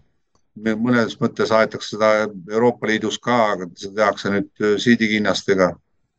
ütleme niimoodi, et äh, mina käisin koolis niimoodi, et me käisime kuus päeva koolis, laupäeva kaasa arvatud ja meil oli nädalas üks viisteist tundi oli vene keelt vähemalt, me õppisime vene keelt ikka niimoodi, et lugesime Pravdat ja ja tsiteerisime Brežnevi kõnesid ja kõik nii edasi ja kõik, kõik käis vene keeles ja põhimõtteliselt oli ju, oli ju isegi, oli isegi see mõte oli ju haridusministeeriumisse pandi lauale see, et Eesti üle peaks minema kirillitsasse, eks ole, et see eh, siuksed, siuksed asjad käisid ja noh, see jah, ta, need on kaks eri asja ikkagi, noh, sa peab vaatama ikka selle päeva kontekstis, et, et, et ma ma ei, ma ei oleks nii radikaalne, et ma räägiksin ja kindlasti ma ei, ütleme need eestlased, need venelased, kes on siia tulnud ja mitme põlvkonna omad, eks ole, aga me näeme, ega nad on täpselt samasugused radikaliseerunud nagu, nagu ütleme, Lääne-Euroopas on need äh, moslemimaadest tulnud, eks ole, esimene põlvkond tuleb, mäletan, need tulid ka esimene põlvkond tulid õppisid seal ikka kaks-kolm sõna selgeks, midagi ikka üritasid midagi rääkida, vaatasid meie rahvatantsu,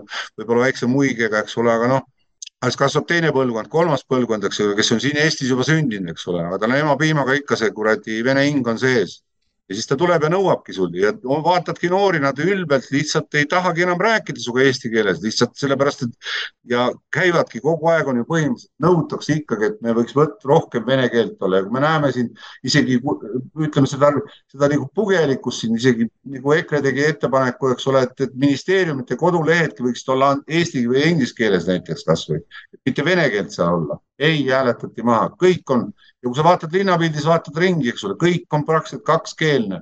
Ja, ja ikkagi lähed poodi, no sa ei saa rääkida, kui sa küsid, lähed Maxima poodi, küsid kärbe, kärbsepiitsa, eks ole, siis ta ütleb, et ei ole pitsat, no ei ole pitsat, kärbsepitsat ei ole.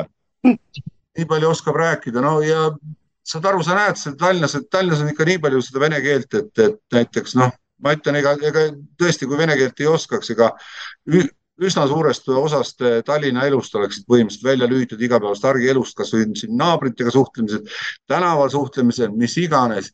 ja see on ikka täiesti rahva väljavahetamine ja noh, ütleme selles suhtes ma olen Marioga nõus, eks ole, et, et Euroopa Liidus käib täpselt samuti rahva väljavahetamine, aga noh, meil on ütleme niimoodi, et äh, meie valitsejad oleks võinud ammu-ammu rääkida, et meie rahvas on juba praktiliselt välja vahetatud, meil on kolmkümmend protsenti juba võõramaalasi sisse toodud siia. Et meil ei ole kuskil, me, meil ei, meie kvoot on null, kõik, see on EKRE loosung ka kogu aeg olnud, et meie kvoot on null. parem mingu tagasi, kõik, kes on siin sada tuhat Vene passiga, ma oleks need ammu koju saatnud tagasi. hallipassimehed, mingu otsigu kuskil sealt Narva silla peal oma kodakondsust taga.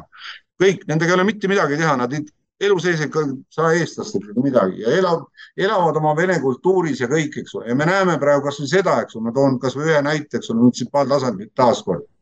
Eesti koolid on siis pandud nüüd kõiki neid Eesti lapsi siis integreeruma, seal on süürlased, seal on ukrainlased, seal on kes iganes, eks ole.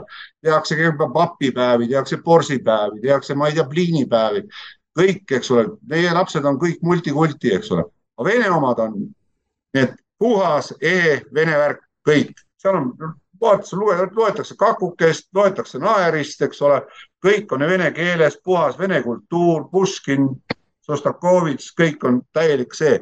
Ei mingit, saad aru, ja kui isegi ukrainlane tuleb sinna, eks ole, tahab panna venekeelsesse eh, venekeelsesse kooli oma lapse, siis ta peab arvestama sellega, et seal peab vene keeles rääkima, aga ukrainlane tahab äkki tulla Eesti kooli panna, et äkki õpib eesti keele selgeks, siis põhimõtteliselt terve kool hakkab tema arvel tööle ja see on vale.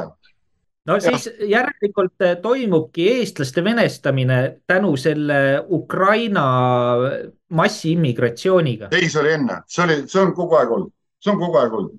See oli nõukogude aeg oli pidev see ja no õnneks tuli üheksakümmend aasta tuli vastu, eks ole, noh, laulsime siin silmad märjad, eks ole, laulsime siin lauluväljakul laule, hoidsime käest kinni ja lubasime kõik teha eestlasteks ja kõik nii edasi, aga aga noh, siis ega siis valitsused on täpselt teinud niimoodi, noh, kui me võtame siin praegu räägitakse kas või eestikeelset haridusele üleminekust, eks ole, Isamaa võtab siin poosi ja kes võtab poosi, eks ole, kõik räägivad poose. taasiseseisvuse aasta ajal, kolmkümmend aastat on olnud Isamaa käes, on olnud haridusministri portfell, kõik, õpetajaid ei ole, ei ole järelkasvu, õpetaja äh, amet on mitte prestiižikas vanem, lapsevanemad auguvad, lapsed auguvad, eks ole, ja õpetaja on see viimane, kes siis põhimõtteliselt läheb, silmad märjad, läheb lõpuks hakkab neid eh, kontroll, töid kontrollima ja siis paneb hinde ja katsub ka niimoodi hinnet panna, et see ikka natuke rohkem ülespoole ümardada, et jumala eest lapsevanem ei hakkaks talle helistama, sest lapsevanematel on kõigil õpetaja numbrid ja mõni helistab purjus peaga õhtul, kurat, valab oma viha välja, eks ole, ja kõik nii edasi.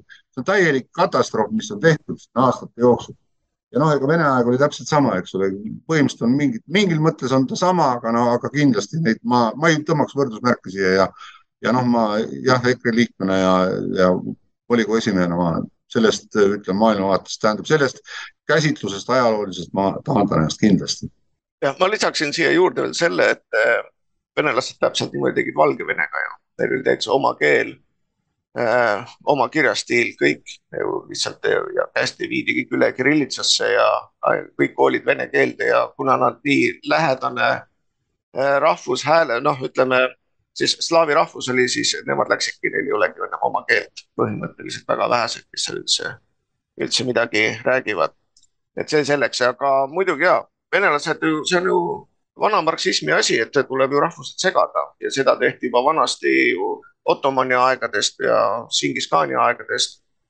see on noh, alati nii olnud, et neid niisuguseid inimesi on alati lihtsam siis valitseda. no Eestis on see, et need niinimetatud ukrainlased, kes Eestisse sisse toodi, sada tuhat, kes seda teab enam, need sada viiskümmend tuhat oli vist eelmise aasta suve. mis andmed, nüüd enam vist ei, enam ei ole ühtegi andmet, kui palju neid sees on. igastahes, kui mina käisin oma, ütleme eelmine aasta käisin Eestist Tallinnas, siis noh, eesti keelega Tallinnas küll hakkama ei saanud. et see on juba täiesti absurdne, isegi kui võtsid seal Uberi või Bolti, mis iganes need on, need noh, isegi inglise keelt ei rääkinud minu meelest, kas Swahili keeli või mis iganes imekeeli nad rääkisid seal. igastahes nad inglise keelt ei jaganud ja vene keelt ma põhimõtteliselt ei rääkinud. et no see on absurdi läinud, kuidas on võimalik, Eesti riigis sa ei saa hakkama eesti keelega pealinnas, isegi kõige lihtsamaid asju. Läksin Rimisse ja keegi seal ei suutnud eesti keeles mitte sõnakestki nagu rääkida. kuidas, kuidas on võimalik, et taksojuht ei räägi sõnakestki eesti keelt? väga lihtne on see, kui ei räägi, kui on sisse tulnud inimene, ei räägi, siis peab ta ka välja minema siit riigist, et ei ole mõtet neid sees hoida. ükskõik, mis, mis on nende ettekääne ei no see on näha, näha, et see nagu Merkel ütles, eks ole, multikulti kaputt, eks ole, noh, põhimõtteliselt ongi niimoodi, et ega siis, ega meie ei suuda, me ei ole suutnud neid eh, integreeruda mitte kuidagi, eks ole, Eesti ühiskonda ja nad ei hakkagi integreeruma siin ja nad jäävad ikka vahtima oma, oma Moskvat ja kõik nii edasi. ma käisin siin, eh, mul hiljuti oli sünnipäev, käisin Soomes, siis vaatasin Soome laeval ka kaks venelast istuvad, vaatavad Vladimir Solovjovi saadet avalikult mitte kedagi ei huvita, tead, lihtsalt vaatavad, plaksutavad, õige sõnad kõik ja no ei, ei kasvata neid ümber ja noh, see on näha, eks ole, Lääne-Euroopas täpselt samuti, eks ole, meil on venelased, kes ei kasva ümber ja täpselt samuti Lääne-Euroopas moslemid, eks ole, kes ei kasva ümber iialgi. et see on võimatu protsess ja, ja noh, aga paraku see on globalistlik protsess, mida veetakse kuskilt mujalt, et mida noh, ütleme siin väikse inimesena väikses riigis, eks ole, ega seal sul eriti nagu mõjuvõimalust sellesse ei ole, aga no katsud teha ikkagi, mis võimalik on vähegi. Ja no mina ise räägin sellest näiteks, kui ma olen sündinud Puusalus, Tallinna ligidal. noh, me põhimõtteliselt oli sajaprotsendiliselt eestikeelne alevik, seal on paar tuhat inimest. meil on ambulatoorium seal, nii nädal aega tagasi mul hea sõber läks sinna ambulatooriumisse ja keegi ei rääkinud eesti keelt kõik olid venelased, väidetavalt ukrainlased. samas ta tegi ka pildi, neil oli fuajees kuus, millel oli suur punane siis äh, nagu Vene moodi äh, viisnurk oli sinna kuuse otsa pandud. noh, ma ei kujuta ette, missugused, missugused ukrainlased selliste ehtimist teeks ja, ja loomulikult nende vene keel oli perfektne, aga mitte ukraina keel, nii et noh, see on, see on inimestele puru pähe ajamine, et Eestis missugused ukrainlased on, võib-olla on mõni protsent. aga suurem osa on tulnud Venemaa kaudu. Ja siis on muidugi juhiuute äh, Ukraina passidega, mäletate, me ju ütlesime seda pea aasta aega tagasi, tullakse uued, uute passidega, siis tehti isegi Delfi faktikontroll, et ei, näed, Maik Kalamus valetab ja aga nüüd tuleb välja, et kõik ongi nii, nii nagu me rääkisime. kõik tuleb välja. et äh, see on minu poolt kõik, kas keegi tahab veel kommenteerida? nii, Tarmo. Ja kõigepealt ma palun andeks, et ma niimoodi ütlen, aga ütlema peab, et äh, miks, miks Eesti elu on niivõrd seal kohas, kus ta praegu on. vot sellepärast ongi seal kohas, et meil on sellised poliitikud nagu Mart Kallas näiteks, kes lihtsalt üritavad olematuks teha kolmkümmend protsenti Eesti rahvastikust sellest osast, kes tulnud Eestisse, teinud kõige odavamat tööd ja võib-olla kõige raskemat tööd ja olnud, hoidnud seda ühiskonda kuidagi üleval. kas neil inimestel nagu ei olegi mingit õigust või? nüüd keele, keele, keele, keele rääkimisest, ma arvan, et mõningates New Yorgi linnaosades ei saada ka inglise keelest aru. mõningates Miami linnaosades räägitakse ka ainult hispaania keelt, eks ole. see ei sõltu, kui, kui Eesti kavatseb jätkata samasugust venelaste vastast poliitikat, siis ärge lootkegi, et asjad kuhugi paremaks lähevad.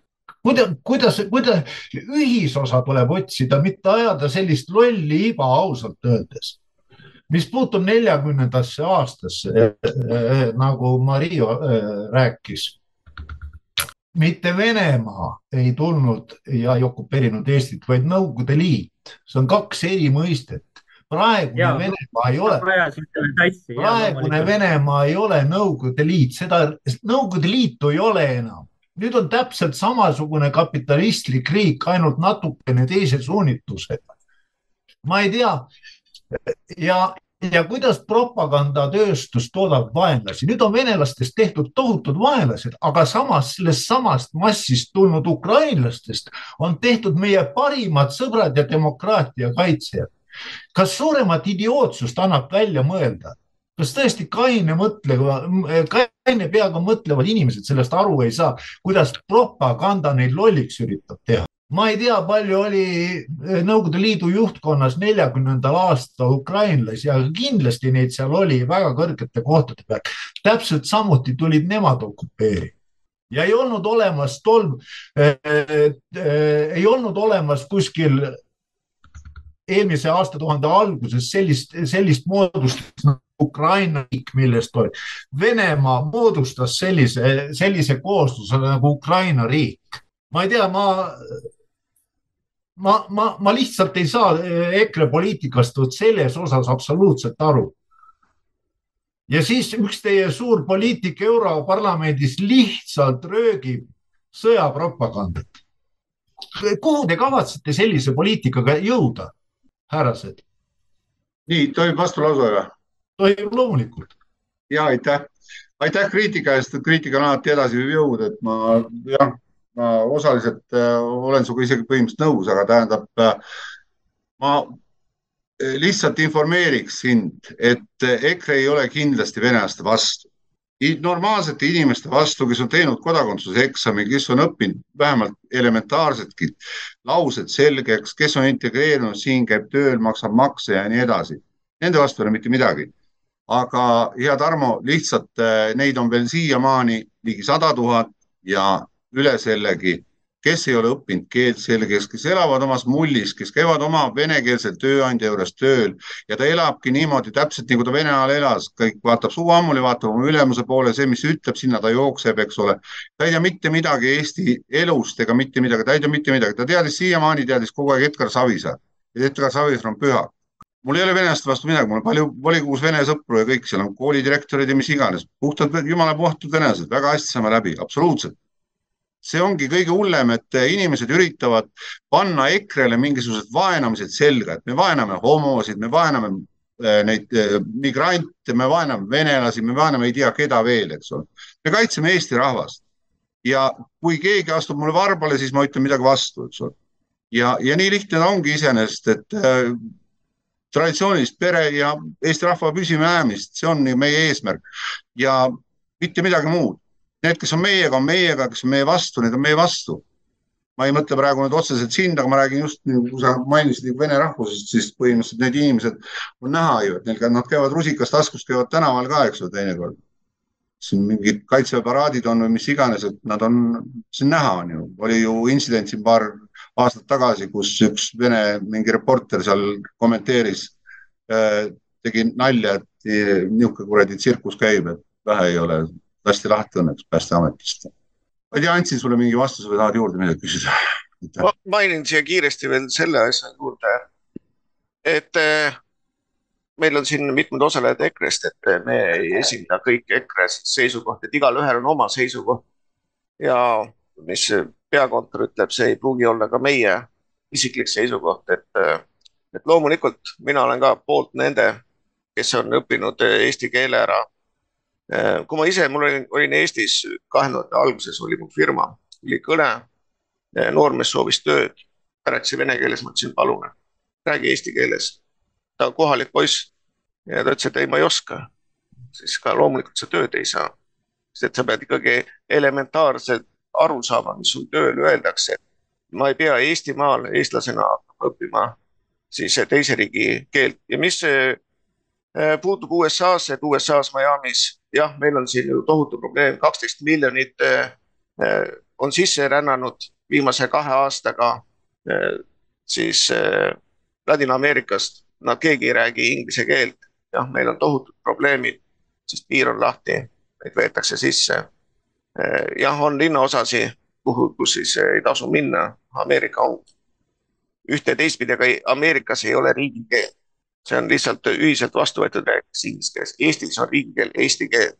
no need asjad ei ole isegi. jah, asjad ei ole isegi võrreldavad, eks ole, Eestis elab üks koma kolm miljonit inimest, neist üks me... miljon on eestlased, eks ole, ja meie kõrval on naaber, eks ole, mis on tuhat korda suurem meist, eks ole. et no. me peame säilitama selle, et meie kultuur ja keel säiliks ja need, kes sisse tulevad, austavad Eestit. et eh, noh, see on minu, minu arvamus, aga ma annan Tarmole veel korra sõna ja siis me peame hakkama edasi minema ja tänud, tänud, tänud äh, vastuse eest. Äh, ma tahan öelda seda, et ka mina olen ju Eestis sündinud ja Eestis koolis käinud ja, ja, ja, ja ametikooli lõpetanud ja nii edasi. Äh, Eesti kultuur ei elanud kunagi, ei ole kunagi elanud paremini kui Nõukogude Liidu ajal, on ju tõsi? kuna ma ei tea, mina, mina, mina enda teadlikus elus igatahes ei mäleta seda momenti, et oleks olnud mingi venestamine. minu ajal seda igal, ma olen sündinud kuuekümnendal aastal. ma läksin kuuekümne seitsmendal, läksin kooli, siis enam mingit, mingit eesti keele mahasurumist midagi ei olnud, me õppisime kõik koolides eesti keeles, me õppisime ülikoolides eesti keeles. jah, merekoolis ma käisin, ma olin tõesti mõned, paljud ained olid vene keeles, sellepärast et õpetajad, spetsialistid olid eh, venekeelsed. aga haridus, kõik oli kättesaadav eesti keeles, kultuur, mitte mingisuguseid piiranguid ei ole. me oleme nüüd kolmkümmend aastat olnud iseseisvad eestlased. Eh, kas te ausalt tunnistate, et kultuur ja, ja keelekultuur ja selline asi on kõvasti alla hakanud käima? on ju niimoodi? mina küll tunnistan absoluutselt, noh, kõik see ja... ja ütleme, kõik see, see, ütleme, sugude kaotamine ja kõik nii edasi, need on nagu jõudnud kultuuri ka, kui Tartu, kui me vaatame, Tartu sai Euroopa kultuuri pealinnaks ja kogu pidu oli pühendatud põhimõtteliselt äh, seksuaalvähemustele, siis noh ka kultuuri osa nagu nimetada. absoluutselt. ja, et ja... tohib küsida Tarmo korra vahele, et kus, kus kandis sa koolis käisid, kus sa sündinud oled? ma olen Tartus käinud koolis. aa, okei, no meil Rakveres on, Rakvere oli nagu Ida-Virumaa piiri peal, et meil oli võib-olla siis rohkem suruti seda asja peale seal, mina olen kuuekümne kolmandal sündinud. ja ma, ma nagu ei tundnud absoluutselt mingit ja mõningad ained loomulikult olid, eks ole, et sõjaline ühiskonnaõpetus ja sellised asjad, aga no see kuulus lihtsalt süsteemi juurde, noh igal riigil on oma süsteem, mida ta peab enda alamatele peale suruma, see on ju loomulik. Aga... no loomulik nüüd küll ei ole, parem kui teda ei oleks aga mida ma tahan siia veel lisada, see puudutab nüüd seda, seda hüsteeriat eestikeelsele haridusele ülemineku osas. minu arvates on absoluutselt väär sellepärast, et selle ühesõnaga, kui me selle viime lägi, vägisi läbi Eestis, jah, kõik koolid hakkavad siis eestikeelset haridust andma. selle tulemuseks on see, et me saame sellised poolharitud juhmikesed juhmikesed tulevikukodanikud sellepärast, et kui inimene ikkagi keelt ei oska, siis ta ei võta mitte ühtegi ainet vastu kõigepealt ta peaks selle keele selgeks saama perfektselt, millest ta, millest ta midagi õpetama hakata ja sealt edasi minema, eks ole. aga kui me üritame talle matemaatikat või keemiat näiteks hakata õpetama keeles, millest ta üldse midagi, aga mis sellest õpilasest siis lõpuks, ta ei õpi mitte midagi ära. kellele see lõppkokkuvõttes kasulik on, mitte kellelegi. ma kiirelt vastaksin natukene, et no, see on isiklik minu nägemus. kui tahavad, et Eestis, Eestis ajalooliselt oli juba ennem ka Eesti, esimese Eesti ajal olid siis erakoolid, kus õpetati siis kas siis äh, juutidele, sakslastele või siis venelastele äh, vastavalt siis äh, nende õppeaineid. ma ei ole selle vastu, kui on erakool, makstakse omast taskust, aga lõpetamisel peab saama hakkama eesti keeles ja peab saama ka vastavalt äh, siis rääkida ja aru saada eesti keeles. mitte nii, äh, et kui sa lõpetad siis vene kooli, sa ei räägi mitte sõnakestki. ma ise olen Mustes käinud ka koolis, et ma tean väga hästi, kuidas see võimalik on. inimesed lõpetavad siis äh, vene kooli ja ei räägi mitte sõnakestki eesti keelt, see, see on absurd. aga noh, see on see, mis peaks olema, kas nad õpivad füüsikat vene keeles, see mind ei häiri. mind häirib see, kui nad ei räägi eesti keelt mitte sõnakestki ja on siis eluaeg Eestis elanud. see on, see on minupoolne väike kommentaar, me peame kähku hakkama edasi minema. loodame, et vastasime su küsimusele. et anname edasi, siis proovime jälle Avega kontakti saada ma vabandan tehniliste viperuste pärast, mul on väga vanaaegne arvuti ja, ja ma ise elan ka sellises piirkonnas, kus wifi vahel ära kaob um,. ei ole hullu, ma tahaksin mainida seda, et näiteks Timo Kalausel, kes siin on meil saateid teinud, siis temal konkreetselt siis keeratigi heli tuksi viimase saate jooksul. peale saate lõppu pandi ta konto täiesti kinni, et ta noh näete, kui, kui vaba on see sõna, tema saade oli siis Rahva hääl on Jumala hääl, mis on iga laupäev eetris, nüüd on ta siis meie Eesti Eest kanalil.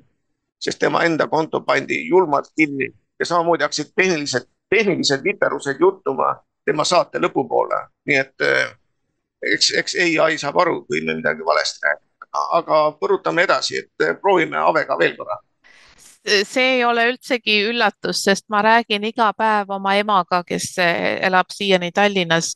Eh, räägime eh, Facebook Messengeri kaudu ja muidu on väga hea levi, kui räägime ilmast või, või mis lähistega toimub, aga nii kui poliitika teemale jutt kaldub, eriti kui kõiki inimesi õigete nimedega või, või teatud termineid kasutada, siis tekivad väga suured takistused ja segadused ja peame restarti tegema. Um, mis ma tahtsin väga põgusalt öelda, ma tean, üldine jutt läks väga sedasi Eesti-keskseks, mis on täiesti arusaadav. Um, ma tahtsin mainida, ma alustasin juttu USA valimistest ja USA poliitilisest süsteemist, kuidas on levinud arusaam, et, et USA-s on põhimõtteliselt kaks parteid, on vabariiklased ja demokraadid ja et USA on demokraatia. USA ei ole demokraatia.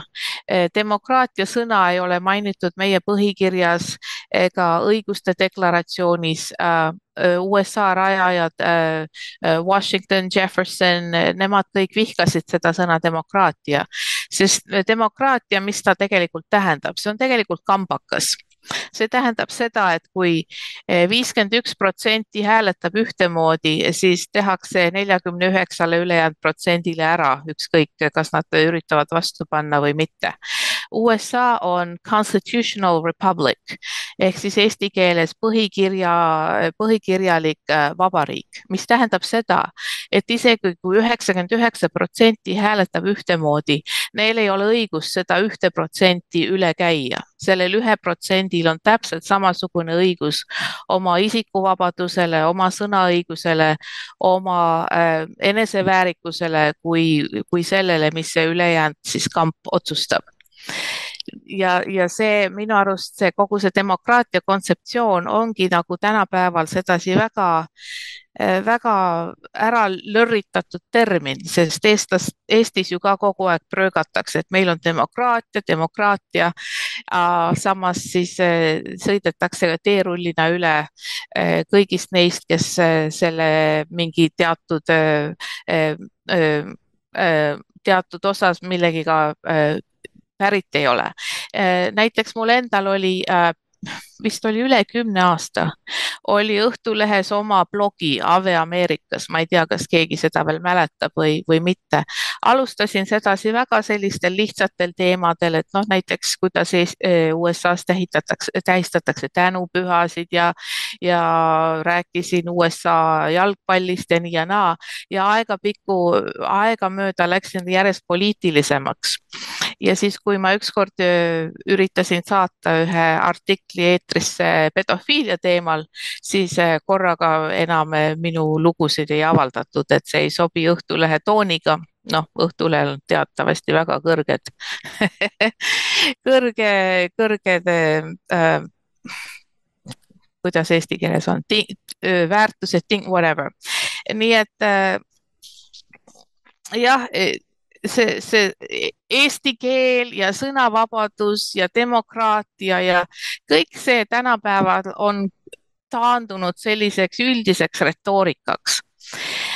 näiteks kasvõi see, et eh, no me teame kõik seda lugu Loomade farm või tuhat üheksasada kaheksakümmend neli Orwelli äh, lood, mis tundusid kunagi väga fantaasiarikkad äh, üllitised olevat, aga, aga tänapäev on muutunud hulla, hulga hullemaks, kui mis seal raamatutes räägiti äh,.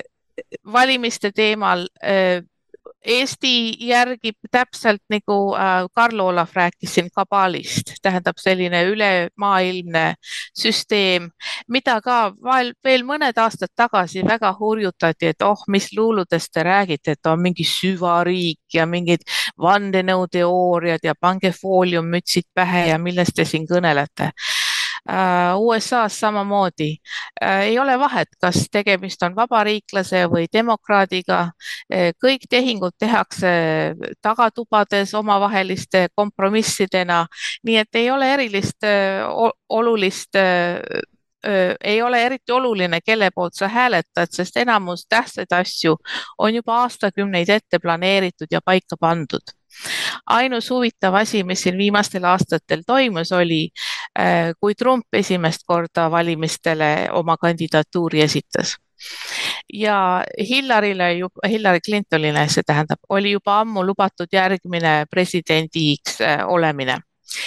ja Trumpi poolehoid äh, rahva poolt osutus nii ülivõimsaks, et isegi kuigi ka need valimised olid parasjagu võltsitud, siis lihtsalt ei saanud sellest äh, mööda minna ja, ja Trump äh, osutuski siis nii ülekaalukalt valituks mistõttu siis järgmised valimised olidki nii üle võlli keeratud, et meil ka näiteks oli palju maakondasid, kus oli, ütleme, sada tuhat elanikku, aga kakssada tuhat kõik hääletasid Bideni poolt sama võrdub äh, Eesti valimissüsteemiga, kus äh, kell neli hommikul vanadekodus äh, üheksakümne aastased raugad, kes ei ole elu sees nutitelefoni või arvutit käes hoidnudki, kõik ülekaalukalt valisid järsku teatud erakonna poolt. nii et jällegi tuleb tuleb tunnistada, et kahjuks tõesti äh, olgu see siis äh, põhikirjalik vabariik, olgu see demokraatiline süsteem, teatud suured asjad maailmas on ammu enne ette otsustatud, millest meiesugused nii-öelda muidumatsid ja talupojad, meil äh, on võib-olla õrk, õrn aimdus, mis tegelikult toimub. kui palju me ise seda muuta või suunata saame, see on omaette küsimus. aitäh. jah, ise tean seda, kui ma siin aasta oli kaks tuhat kaksteist vist, kui läksin endale siis juhilube tegema siin Marylandis ja täitsin seal paberid ja osa tuli teha siis üks kraani peal ja sinna oli kohe märgitud, et ma olen valija.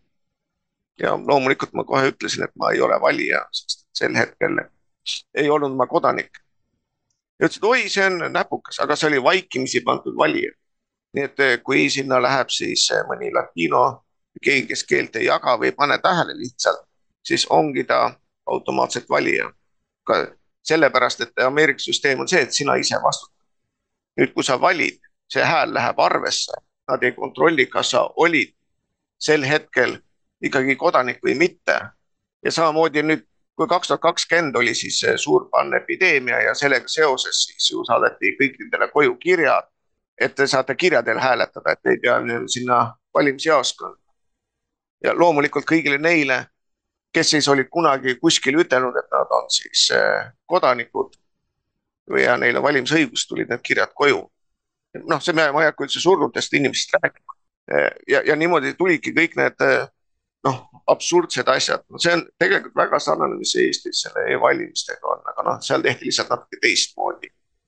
ja, ja niimoodi siis oligi see, et Philadelphia's teatud osa, teatud ringkondades käisid siis valimas kolmsada protsenti inimestest ja need muidugi miskipärast sertifitseeriti, et kui, kuigi see on täielik absurd ja loomulikult siis Mike Pence, kes ise on ka süvariigi eh, teenistuses, tema, tal oli täielik õigus seda tekitada, teha uurimist, aga ta keeldus sellest ja sertifitseeris need valimised, et noh, USA-s on muidugi eh, ka meie Eestis kuulus firma Sümatec, Smartec, Smartec, eh, kes siis loeb üle hääli, et needsamad paberid, mida sa siis eh, valimisjaoskonnas täidad, mitte käsitsi ei loeta üle, vaid need on aparaat ja aparaat loeb need üle.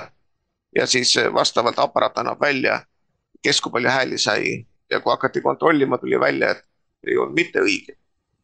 noh, loomulikult öeldi, et see on kogemata või siis mida iganes ja muidugi need olid ju ka veel internetis ühenduses, mis ei tohi olla. nii et noh, sama, sama muster käib üle maailma ja noh, samamoodi käib ka Eestis see asi. et äh, on kellelgi küsimusi Avele?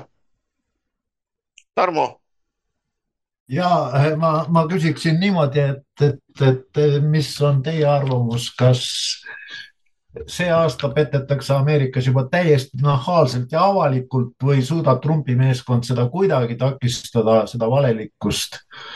Sest näha on, et Trumpi valijaskond või tähendab valijaskonda tuleb iga päev üle piiri vist üheksateist tuhat, kui ma ei eksi. ja, ja teine küsimus Avele ja Maikile samuti, et kas Texases saab üks eraldiseisev vabariik või ei saa? aitäh Texas on oma eraldumisest rääkinud juba mitukümmend aastat, aga seda ei ole siiani äh, juhtunud. Mulle jäi natuke arusaamatuks, mis sa ütlesid, et Trumpi valijaid tuleb üle piiri juurde ei, ma ütlesin, et Bideni valijaid tuleb teatavasti üle piiri juurde oh, kümneid tuhandeid, et kas Trumpi meeskond suudab seda kolossaalset valimispettust, mida on oodata, kuidagi takistada või mitte? Äh, vot selle kohta ma ei oska praegu prognoosi öelda, nii palju ma tean, et äh, valimiskampaania juba muidugi käib.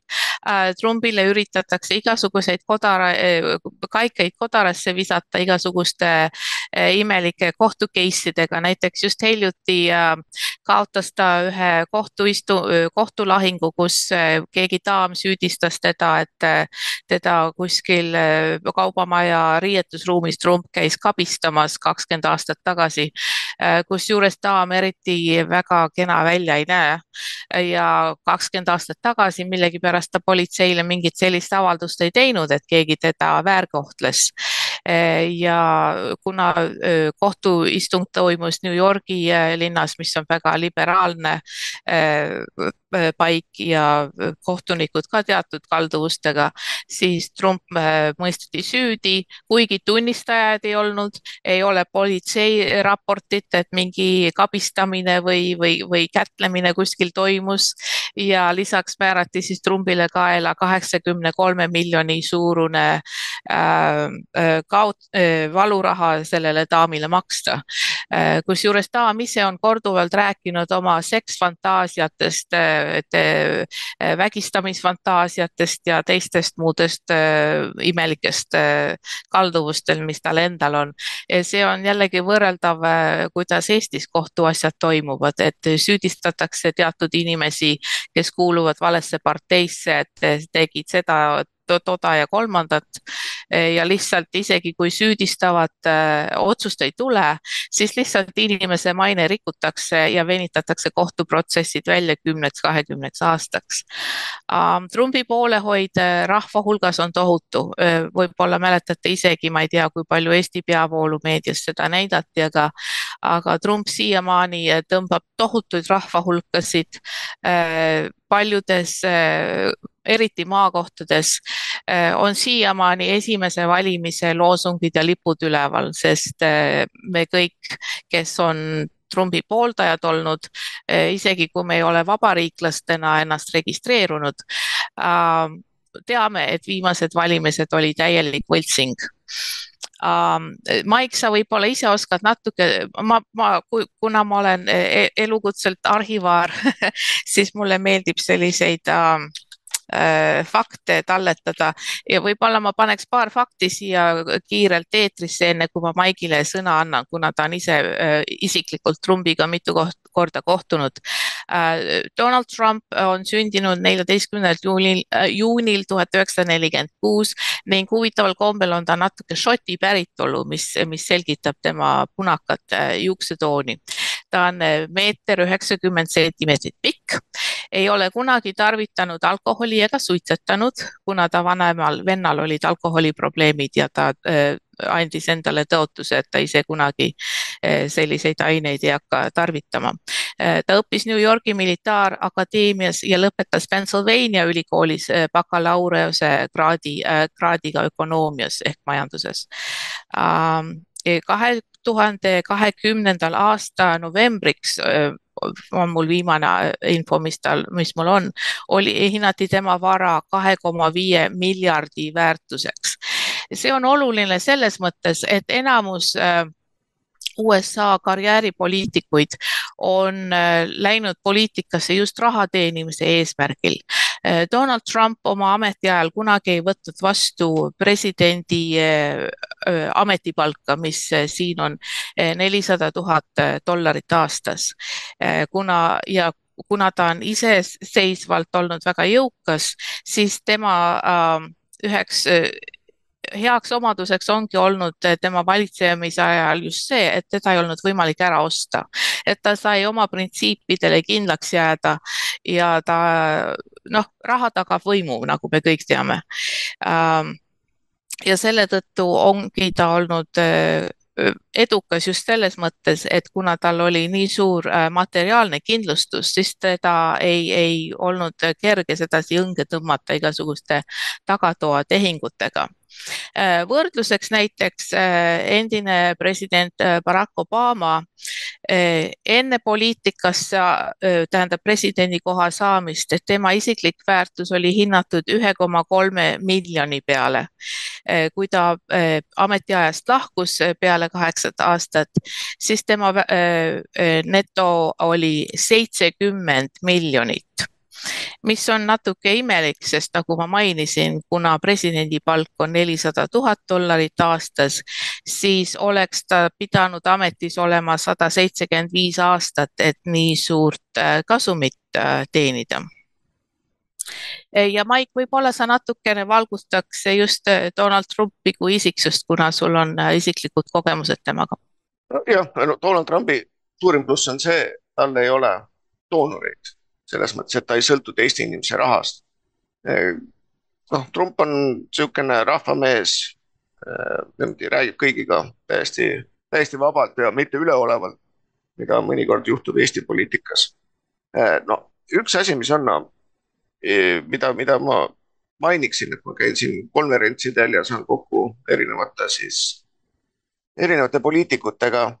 et võin ütelda, et ega suuremuse poliitikutele on täiesti ükstaskõik sinust ja, ja sinu riigist, et kui ma räägin siin Eestist, siis paljud äh, poliitikud, esimene asi on see, et mis, mis kasu on, mis kasu on minul, mis ka, mis kasu on parteil, näiteks Eestist äh, ja niimoodi, et nad kõik näevad nagu seda impeeriumit iseennast, mitte kedagi teist. Ja kui arvatakse seda, et kõik tulevad Eestile suurelt appi, kui mingi midagi juhtub, noh, ma, ma, ma tõsiselt kahtlen selles, sellepärast et äh, eriti Ameerikas keegi ei tahaks oma oma sõdureid saata sinna, kus on midagi kahtlast ja kus on palju surma.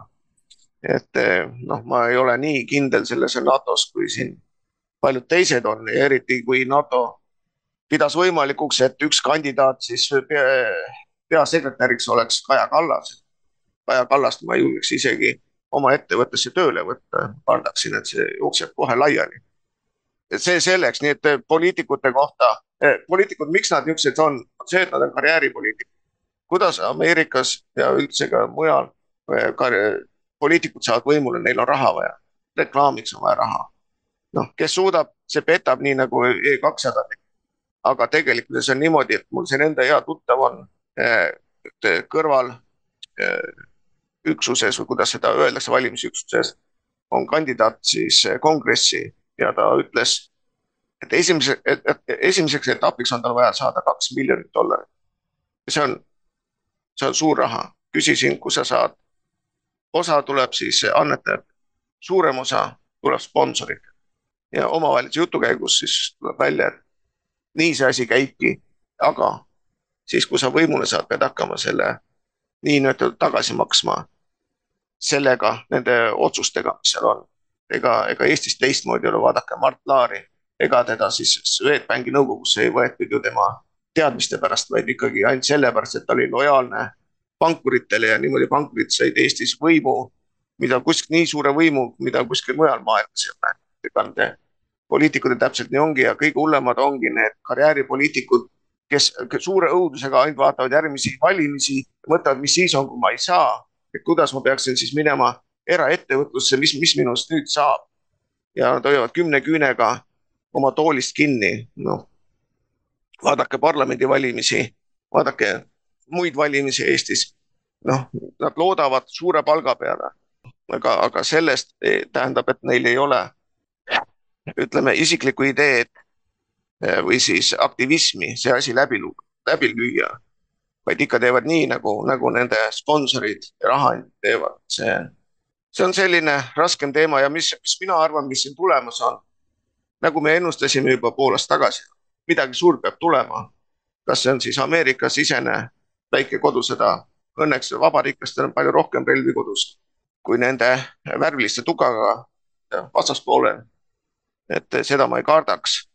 kas Texas võib ära minna? jah, ta võib, sest temal on teistsugune alusleping föderaal äh, siis võimuga kui teistel, tema võib alati ära minna iga, iga hetk, kui ta tahab. Nad teevad referendumi, nad võivad ära minna, mis on ka väga reaalne, kui näed seda, mis siin Ameerikas toimub, ma ise käin siinsamas, käin nüüd kolledžis ja ma näen seda õpetamist, mis siin on, kui palju on seda rassivihkamist sisse pandud, kui palju on seda Äh, marksismi ja seda kommunismi siia sisse pannud, mida te ei usukski. seda, seda tippülikoolides. et noh, siin peab midagi suurt juhtuma ja noh, sõda, sõda on alati vaja siis, kui sul on ju sisemised probleemid. Ja Bidenil on palju sisemisi probleeme, nii et äh, ma eeldan, et see, mis Lähis-Idas on, läheb aina suuremaks, Euroopa on täis moslemi, ma arvan, see sealpool veel läheb madinaks. nii et äh, kes seda teab, võib-olla Euroopas saab üks suur must auk ja hakkame otsast pihta. et see on minu vastus, loodan, et, et andsin natuke ülevaadet, et on kellelgi veel mingeid küsimusi Avele või minule? tundub, et kellelgi ei ole, et äh, lähme edasi. et järgmisena siis Mart, annan sulle sõna. aitäh, et äh, jah, mina olen Mart Kallas, EKRE poliitik, et äh, olen EKRE volikogu esimees ja olen ka Tallinna linnavolikogus EKRE fraktsiooni esimees. ja ma võib-olla räägikski natukene, mis siis Eesti Vabariigi pealinnas toimub, et siin on, ütleme, üsna niisugused huvitavad ajad praegu minemas. et lihtsalt sissejuhatuseks, et äh, Tallinna linnavolikogus on seitsekümmend üheksa kohta. ja nagu ikka demokraatlikus ühiskonnas peaks olema niimoodi, et volikogu on äh, kõige kõrgem äh, juhtimisorgan siis instants äh, Tallinna linnas, aga noh, ütleme siin kahekümne aastase Keskerakonna ainuvõimuga on see asi pööranud vastupidiseks, et linnavalitsus otsustab ja siis volikogu kinnitab keskerakondlaste ülekaaluga. aga nüüd on siis seoses liikumistega siin, ütleme, sotsiaaldemokraatidesse liikusid siin just eelpool mainitud Tanel Kiik, eks ole. ennem oli sotsiaaldemokraatidel oli kuus kohta seitsmekümne üheksa liikmelises volikogus ja nüüd on neil kaheksa kohta, sest Tanel Kiik ja Andre Hanimägi liikusid sotsiaaldemokraatidesse. ja peale valimisi oli näiteks Isamaal oli kuus kohta ja nüüd on neil kaheksa, sest üks keskerakondlane liikus sinna toiu, mis ta siis on, Tõnis Mölder ja, ja siis nüüd liikus ka Jüri Ratas sinna vabandust, eksin, Isamaal on seitse, isegi üheksa kohta nüüd, sellepärast et meie Arvo Luude majanduslikel põhjustel liikus ka millegipärast Isamaasse. Isamaa on saanud põhimõtteliselt selle perioodi jooksul siin kolm kohta isegi lausa juurde. ja Rehvidega liitus siis üks keskerakondlane selline nimega nagu Maria Jufareva, Skuratovskaja. et, et ütleme, jõujooned on palju muutunud ja praegu ongi niimoodi, et kui me võtame siis Keskerakonna, siis Keskerakonna seitsmekümne üheksast häälest on on kolmkümmend neli kohta ja lisaks on meil Taavi Aas, kes on äh, üldse, pole ühegi fraktsiooniga liitunud, ta istub täitsa eraldi, et ta nagu ka otsib nagu paremat konfekti seal. ja, ja EKRE-l on kuus kohta, Eesti kahesajal on kuus kohta. ja siis ongi niimoodi, et iseenesest äh, peaks olema nüüd mingisugune teoreetiline võimalus, et kui nüüd viis erakonda panevad siis seljad kokku, siis me suudame kahekümne aastase Keskerakonna võimu kukutada Tallinnas. mis on äh, ainult teoreetiline, ma näen, et seda praktiliselt teha on võimatu. esiteks on äh, sotside poolt on vastasseis sinna, sest sotsidel on praeguses linnavalitsuses on kolm abilinnapea kohta, lisaks neil on volikogu esimehe koht ja mitmed, mõned ka komisjoni esimeeste kohad. kui seal tuleks laiapõhjaline mingisugune koalitsioon uus, siis nad kaotaksid ikka päris palju ja noh, nad on, iseenesest on nad sinna Keskerakonna sinna toiduahelasse ja kõik on väga ilusti sisse söönud, on igasugustes linnaasutuste nõukogudes, juhatustes, saavad seal palka, omad äh, kontoriinimesed, sotsiaalse mõtteviisiga inimesed on saanud tööd siin, isegi võeti üks inimene võeti niimoodi tööle, et äh, eile astus erakonda, täna oli juba äh, nõunik. ja noh, ütleme niimoodi ja kogu see asi on praegu nüüd äh, siin meedias, igaüks üritab siin poosi võtta, sõna võtta siin eriti, eriti aktiivne on Rehvid ja Isamaa.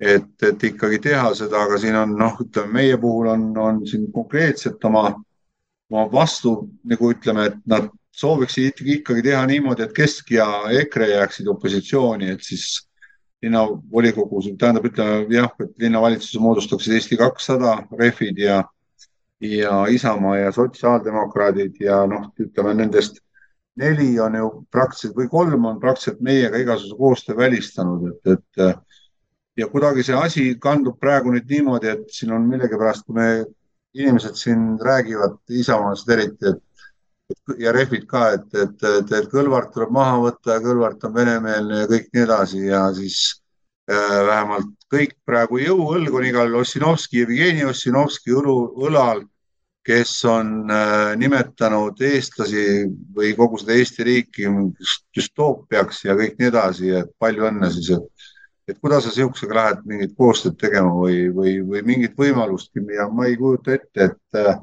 kui need neli tükki hakkavad milleski kokku leppima, siis seal on nagu ütleme niimoodi haugvähk ja kes see kolmas oli, vahet ei ole ja aga noh, et ma arvan, et ikkagi, et enne, et see praegune koalitsioon seal kindlasti ei lagune, et Kesk ja sotsidel on väga mugav, kui nüüd tõesti veel päris kriitiliseks läheb, siis eks nad hakkavad vaatama siin, kas Eesti kahesaja poole võib-olla liidavad Eesti kahesaja juurde sinna või kedagi niisugust, kes, kes on langevas trendis ja keda on vaja võib-olla upitada, et, et, et see on minu nagu mõte ja ka noh, ütleme niimoodi, et kui me praegu näeme siin Keski ja sotside töös, et Tallinna liiklus ja kogu see linnaelu on, on põhimõtteliselt ainult rohepöörde taktis käib.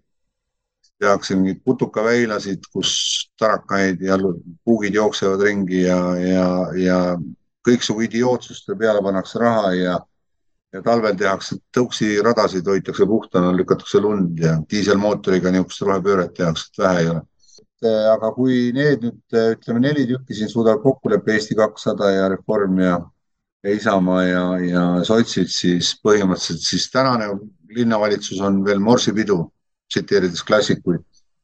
et siis alles õige rohepööre Tallinnas hakkab, et kõik siin tahetakse teha niimoodi, et kesklinnas tohib ainult elektriautoga sõita, eh, Ülemistel tohib ainult elektriautoga sõita, Tallinna Tehnikaülikooli ümbruses tohib ainult elektriautoga sõita, fossiilsete kütudega autod põhimõtteliselt tuleks jääda üldse linna taha ja tulla siis sealt pargi ja reisiga, kas bussi, ühistranspordiga, eelmise sajandi trolliga, mis on minu jaoks täielik, mul tekitab oksurefleksi, kui ma näen neid venivaid trolle ja, ja traadid on samad nagu kuuekümne viiendal aastal, et see tehnoloogia on täpselt sama ja, ja ütleme niimoodi, et ega jah, siin tuleb oodata ära uued kohalikud valimised, mis on juba selle aasta sügisel minu andmete järgi. Et, et vaatame, mis sealt tuleb, et noh, et kuidas siin, no ütleme niimoodi, et ma või lõpuks hea, ma noh, et tahad küsida kohe. ma lõpuks ütlen lihtsalt seda ära, et kahekümne esimesel aasta kohalikel valimistel, noh, ütleme niimoodi, et kui meile tehti valimistel, tehti üks asi, mis meile tehti e-häältega, tehti ära, eks ole, siis eh, riigi poolt, siis Tallinna linn oma toiduahelaga ja Keskerakonna valitsusega käisin vaatlejana kohal ja vaatasin neid sedeleid ja seal oli ikka pakkide viisi pannud ühe sama käekirjaga sedeleid seal Kõlvartile, Lauri Laatsile, Jüri Ratasele ja kõik nii edasi ja kõik see asi jooksis laias laastus ikkagi umbe niimoodi, et äh, tegin politseile avalduse, et tehtaks võetused, tehtaks käekirja ekspertiis, siis mingi noor politseitibi, kes siis vaatas, viskas pilgu peale, ütles, tema näeb küll siin erinevusi. et näete, siin ühe, üks seitse on ilma äh, läbilõike kriipsuta, ühel seitsmel on laineline katus ja teisel on sirge katus, eks ole, ma mõtlesin käekirja ekspertiisiks on natuke rohkem vaja kui niisuguse pisikese detaile, eks ole. ja siis pöördusin ka põhimõtteliselt, eks ole, prokuratuuri äh,, prokuratuuri poole. siis pöördusin lõpuks ka äh, riigiprokuratuuri poole ja riigikohtu poole ja kõiki ja igalt poolt tsiteeriti praktiliselt äh,, igal pool oli väide oli see, et noor algaja politsei tütarlaps siis ütles niimoodi ja, ja kõik põhineski sellele, et ehk siis varastati e-hääled ja varastati ka sedelhääled. et see on lühidalt kõik. nii, kas mina juhin koosolekut? ja ma tahtsin lihtsalt Mardi juurde mainida seda, mul, ma vist enne mainisin juba ka, et mul ema siiani elab Tallinnas ja ta on üksi elav pensionär ja ta ütles mulle, et nende kandis, ta elab Mustamäel, kõnniteed on tihti väga libedad, olevat ma ei tea, kas see vastab tõele, aga tema olevat kuulnud, et on mingi uus direktiiv, et enam ei tohi liiva kasutada, et see on keskkonnale ohtlik no liiva nad ei kasuta ammu, nad on kasutanud siin graniidisõlmeid, sõlmeid, sõlmeid jah. et äh, aga noh, neil on napilt siin käes seda ja noh, ütleme niimoodi, et kus kevadel või suvel ja niidetud muru, kõik oli nagu heinamaa, eks ole, mäletan lapsepõlves mingid heinamaad, no lapsepõlves heinamaad ei olnud, kui loositi kõik ilusti. Põllud olid haritud iseenesest tuleme tagasi siin jälle Maarja teema juurde. et aga noh, öeldi see, et meil on siin roheline ja kõik ja peab olema liigirikkus ja kõik nii edasi, ma ei tea, mis, mis on nende libedate kõnniteedega, libed, kõnniteed on tõesti libedad, mina olen ise see talv kukkunud neli korda, tui õnneks õnnelikult. ja, ja täitsa niimoodi, et noh, ma ise hindan oma balanssi nagu seda, ma olen golfi mänginud ja ma olen jäähokit mänginud ja kõik nii edasi, et ma nagu oskan oma keha nagu põhimõtteliselt talletada, aga, aga kui ta ikka nii ootamatult viib jalad alt ära, eks ole, et noh, ütleme niimoodi napikaid on olnud kümmekond, aga niisugune käna oli jah neli korda, et aga õnneks on luud terved, aga no lapselaps näiteks murdis rangluu ära no. oh. täiesti lihtsalt tühja koha peal. et võib-olla on siis jälle mingi rohemõte seal, et eks neljapäeval tuleb meil istung, et eks ma küsin Sveti käest, Svet tuleb ka sinna ette, et, et milles see, milles see on, et eks me siis kuuleme mingit loll liba kus siin Tarmo kasutas sõnu, et mis abilinnapea räägib, mis tal siis oma kaitseks öelda on. sest ma tean, et hanked tehti igal juhul niimoodi, et, et põhiline oli, et jalgrattateed on puhtad, kakskümmend neli seitse, lumevabad äh,, ilusti kraabitud puhtaks, kõik tipp-topp, põhiline, et toidukullerid saaksid sõita rahulikult ja ohutult, aga nad suudavad ikka sõita kuskil kas sõiduteel või kõnniteel, hirmutada inimesi oma kastidega ja kõik ja väga rahvusvaheline seltskond et küsin kindlasti ja annan sulle teada, et mis mis, mis vabandustega seda välja vabandatakse, aga noh, ega siin jah, midagi erilist huvitavat loota ei ole. nii, meil on paar inimest siin järjekorras, et esimesena Maarjo, et äh, anname sulle sõna. ja äh, tahtsingi küsida, et millal äh, näiteks Tallinna linn, ma arvan, et Tallinna linn ei ole ainuke linn Eestis äh, tuleks ära kaotada niisugune asi, et maja omanik ise vastutab näiteks tänavapoolse osa lumest puhtaks rookimise eest, et see on ju, noh, see on ju absurd, et, et meil on ju nii palju inimesi on näiteks elavad ja töötavad Soomes on ju. noh, ja kuidas nemad siis käivad Soomest, käivad vahepeal Eestis lund rookimas ja samas, kui see nii jube teede olukord noh, talvisel ajal inimesed ei saa liikuma, vanad inimesed käimisraamiga seal, no nad ei, see on võimatu, onju.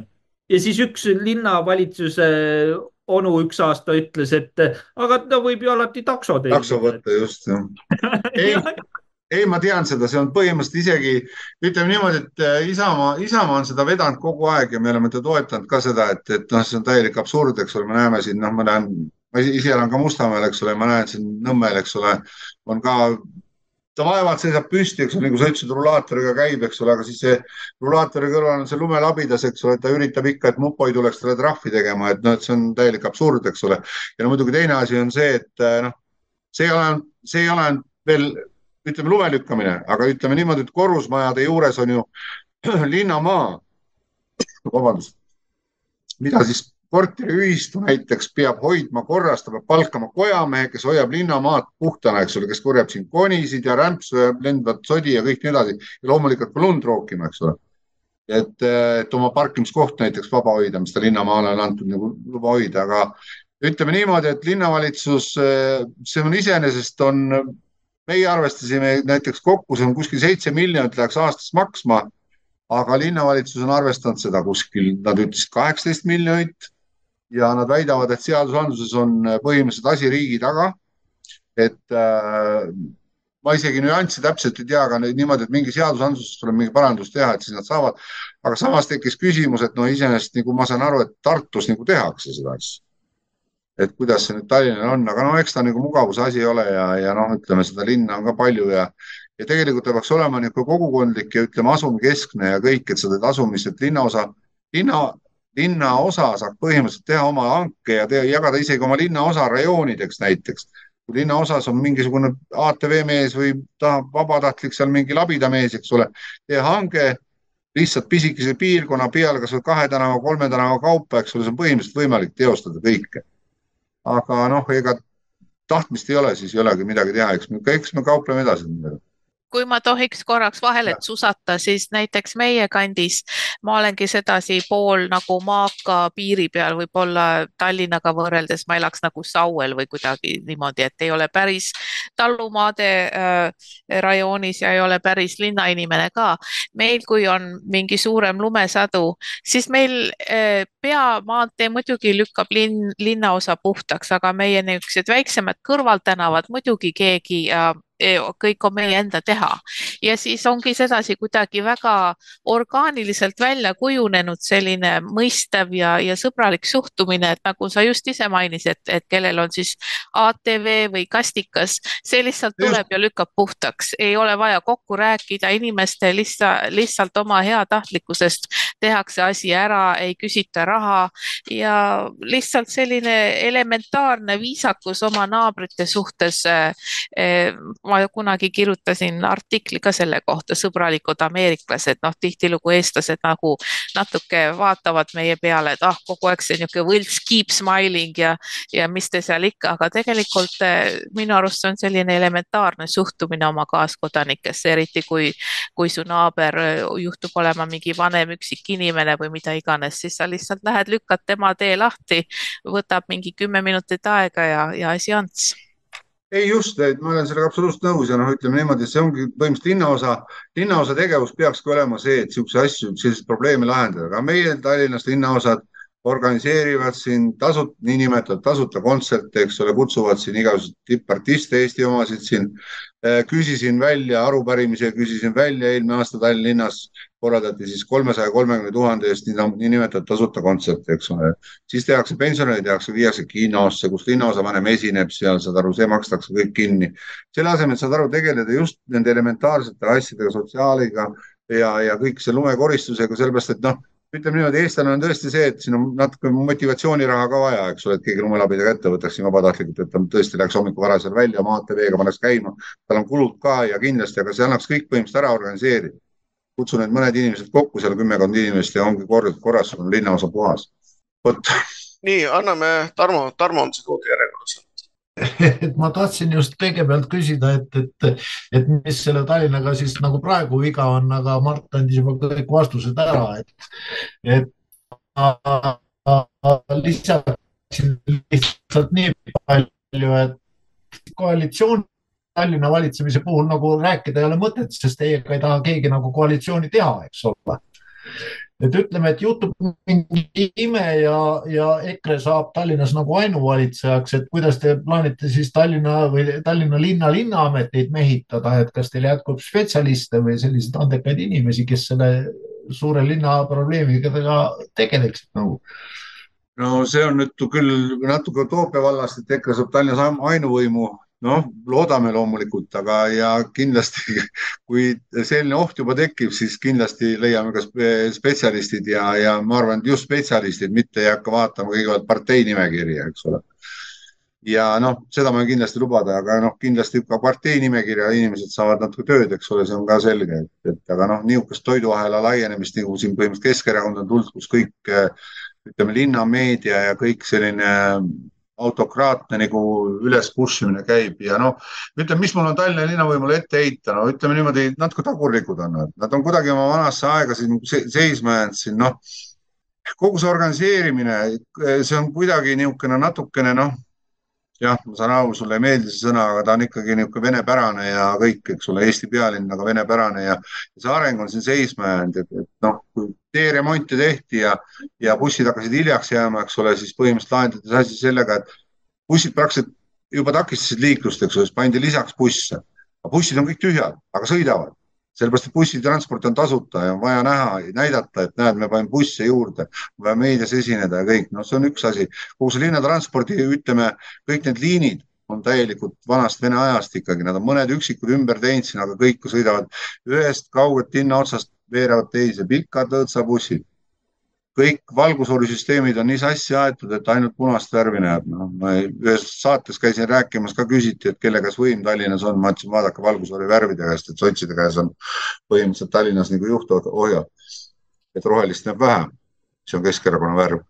ja noh, kindlasti on eh, kooliharidus, eks ole, siin ütleme, see vene koolide üleminek, Tallinn on ikka pidurdanud seda, sest me teame, et siin Kõlvart oli kunagi ka näiteks sellise MTÜ liige nagu Vene kool Eestis ja noh, tema väited olid ja sellega ta takistas ikka väga paljude vene koolide üleminekut, näiteks kasvõi mingid siin äh, see, mis ta on see keelekümbluse klassidesse ja kõik niisugused asjad ja, ja kuidagi siin Mailis Reps eraldas mingi raha, eraldas Tallinnasse siin kümneid miljoneid eestikeelsele õppele minemiseks, see läks hoopis mingiks teises otstarbeks, seal käidi Venemaal ekskursioonidel selle raha eest ja kõik nii edasi et see juhtimine on kuidagi jah, selline venepärane ja kui me vaatame siin abilinnapäidki, siis noh, ma ei hakka nüüd äh, rahvust siin süüdistama, aga osad on küll sellised, et ja noh, sotsidest ka muidugi, et nemad on ikka rohehullud ja, ja noh, need etteheited mul ongi põhimõtteliselt.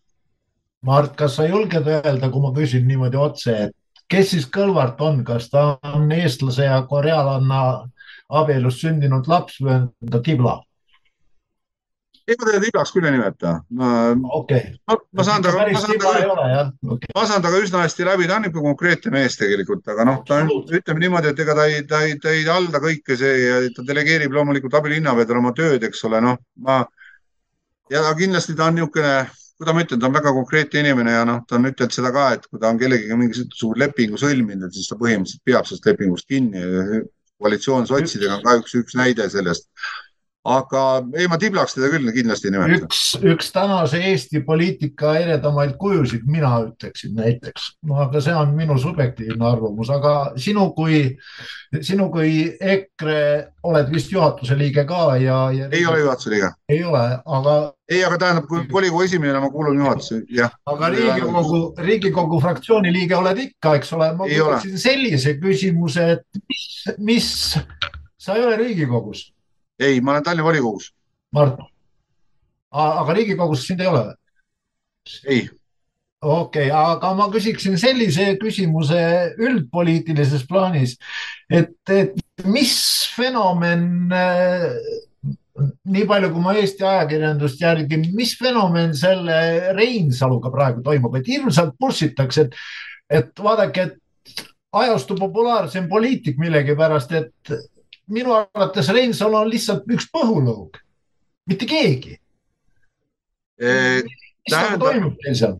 Ei, tähendab, siin on seletus iseenesest üsna proosaline, ma arvan, nad eh, kukkusid läbi oma Eesti kahesaja protsenti, tähendab push imisega, sest noh, me nägime enne valimisi Eesti kakssada oli ees ja taga neil, eh, ütleme, nad olid meediakangelased, nendest tehti lugusid, neist tehti perelugusid, need tehti kõikides ajakirjades tehti kõigist eraldi tehti lugusid siin. üks käis naiste otsimissaates, üks käis seal, linn oli plakateid täis, korjati Ukrainale raha, mis pärast piistu pandi, eks ole, varastati ära, ütleme viisakate sõnadega siis ja noh, ütleme kõik siin, kõik need siin, mis iganes, ütleme niimoodi, siis oli ju kohutav, tähendab, ütleme, kui Isamaa läks kaheks, eks ole, eraldusid sealt parempoolsed, eks ole, Lavly Perling hakkas seda juhtima seal, siis hakati millegipärast jõudsalt eh, parempoolset push ima, Isamaa nagu taheti põhimõtteliselt ära tümitada aga kahjuks on need mõlemad projektid on natukene nüüd vett vedama läinud, et eh, nii Eesti kakssada kui ka parempoolsed, eks ole, nüüd oli, tuli just uudis välja, et parempoolsete üks liige teeb nüüd vasakpoolsed veel et äh, eile ei saanud foorumit kokku, et muidu oleks juhatus ära valitud.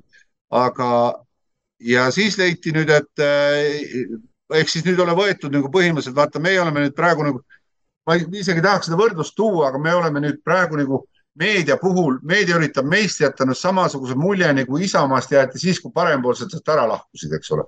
et nad ta, üritavad nagu push ida nüüd Isamaad meist mööda. Isamaa on alternatiiv, Isamaa on ainuke konservatiiv, et nad on niisugused rahulikud läbirääkijad ja kõik nii edasi et need seal, meile pannakse muidugi sõnu suhu ja nimetatakse kogu räuskamiseks ja kõik nii edasi. see muidugi see, see, see mulje on läinud levima ja seda kasutatakse täitsa nagu kontrollimatult, eks rääkida natuke kõvema häälega, selge häälega, sa juba räuskad, eks. sa räuskad? ja, ja noh, ma arvangi, et see praegu bussimine käib selles suunas ja noh, siin on näha, et inimesed jooksevad ka siin, aga no ma kardan, et see Jüri Ratase minek oli sinna natukene see nüüd ja kui Tallinnas tekibki see laiapõhjaline äh, koalitsioon, siis põhimõtteliselt ma arvan, et eh, ega ta kaua ei kesta ja ütleme niimoodi, ta on ikka õhku täis praegu see mull, et seal on nii palju läinud eh, erinevaid tugevaid inimesi sinna, eks nad hakkavad seda poliitikat natuke suunama ka seal eh, võib-olla algselt vaikselt, aga pärast natuke juba aasta pärast natuke tugevamalt ja ja, ja vaatame, me ajame oma rida ja, ja me ei kaldu kuhugi ja kui meil on siin praegu natuke isegi osaliselt on liikmeid vähemaks läinud, et, et tulevad tagasi. nii äh,, Ave, veel kiiresti küsimus Äh, ma tahtsin lisada seda, et meedial on tohutu suur võim igas riigis meedia kujundab avalikku arvamust, äh, meedia kallutab äh, valimistulemusi, seda nii äh, Eestis kui USA-s. ma ise olen ajakirjanik, ma olen süsteemis sees, ma tean, kuidas asjad toimivad. Ja kasvõi näiteks meil viimaste valimiste ajal, ma olen mõlemal valimisööl lihtsalt huvi pärast öö otsa üleval olnud, et valimustulemusi otseajas jälgida. Ja näiteks äh, nii äh, äh, millegipärast äh, näiteks New Jersey osariigis lõpetati valimised kell kaheksa õhtul ja kaheksa null üks juba kuulutati välja, et Biden on võitnud. See tähendas seda, et eh, üle mere hääletussedelid ei olnud veel kohale jõudnud, näiteks ma ei tea, kuidas Eestis on, aga USA kodanikud võivad valida, kui nad on ka Ühendriikidest väljas, eh, olgu nad siis kuskil tööl või, või ähm, armee palgasõdurid, kus, kus nad saavad oma eh, lähetuse maades hääletada. Ja oligi selline huvitav äh, reaalaja, reaalajas vaatlus, et kui oli selline fifty-sixty, nagu Mati Nüganen ütleb tulemus kuskil osariigis, siis nii kui Biden hakkas võitma, siis kohe kuulutati ta võitjaks. olgu siis kuigi veel ei olnud, ütleme, ma ei tea, mingi kolmkümmend, kakskümmend äh, protsenti häältest veel ei olnud kohal. ja siis, kui äh, Trump hakkas kuskil tasapisi nagu ette trügima, siis et ootame ikka veel, et, et ei saa teda ikka veel välja kuulutada, et ootame ikka kuni vähemalt üheksakümmend üheksa protsenti häältest on üle loetud ja, ja see kõik oli nii läbilähtav. ja, ja mis meediasse puutub äh,, ma tahtsin küsida Eesti kohalike käest, mis asi on selline, selline kontseptsioon nagu avaliku huvi puudumine.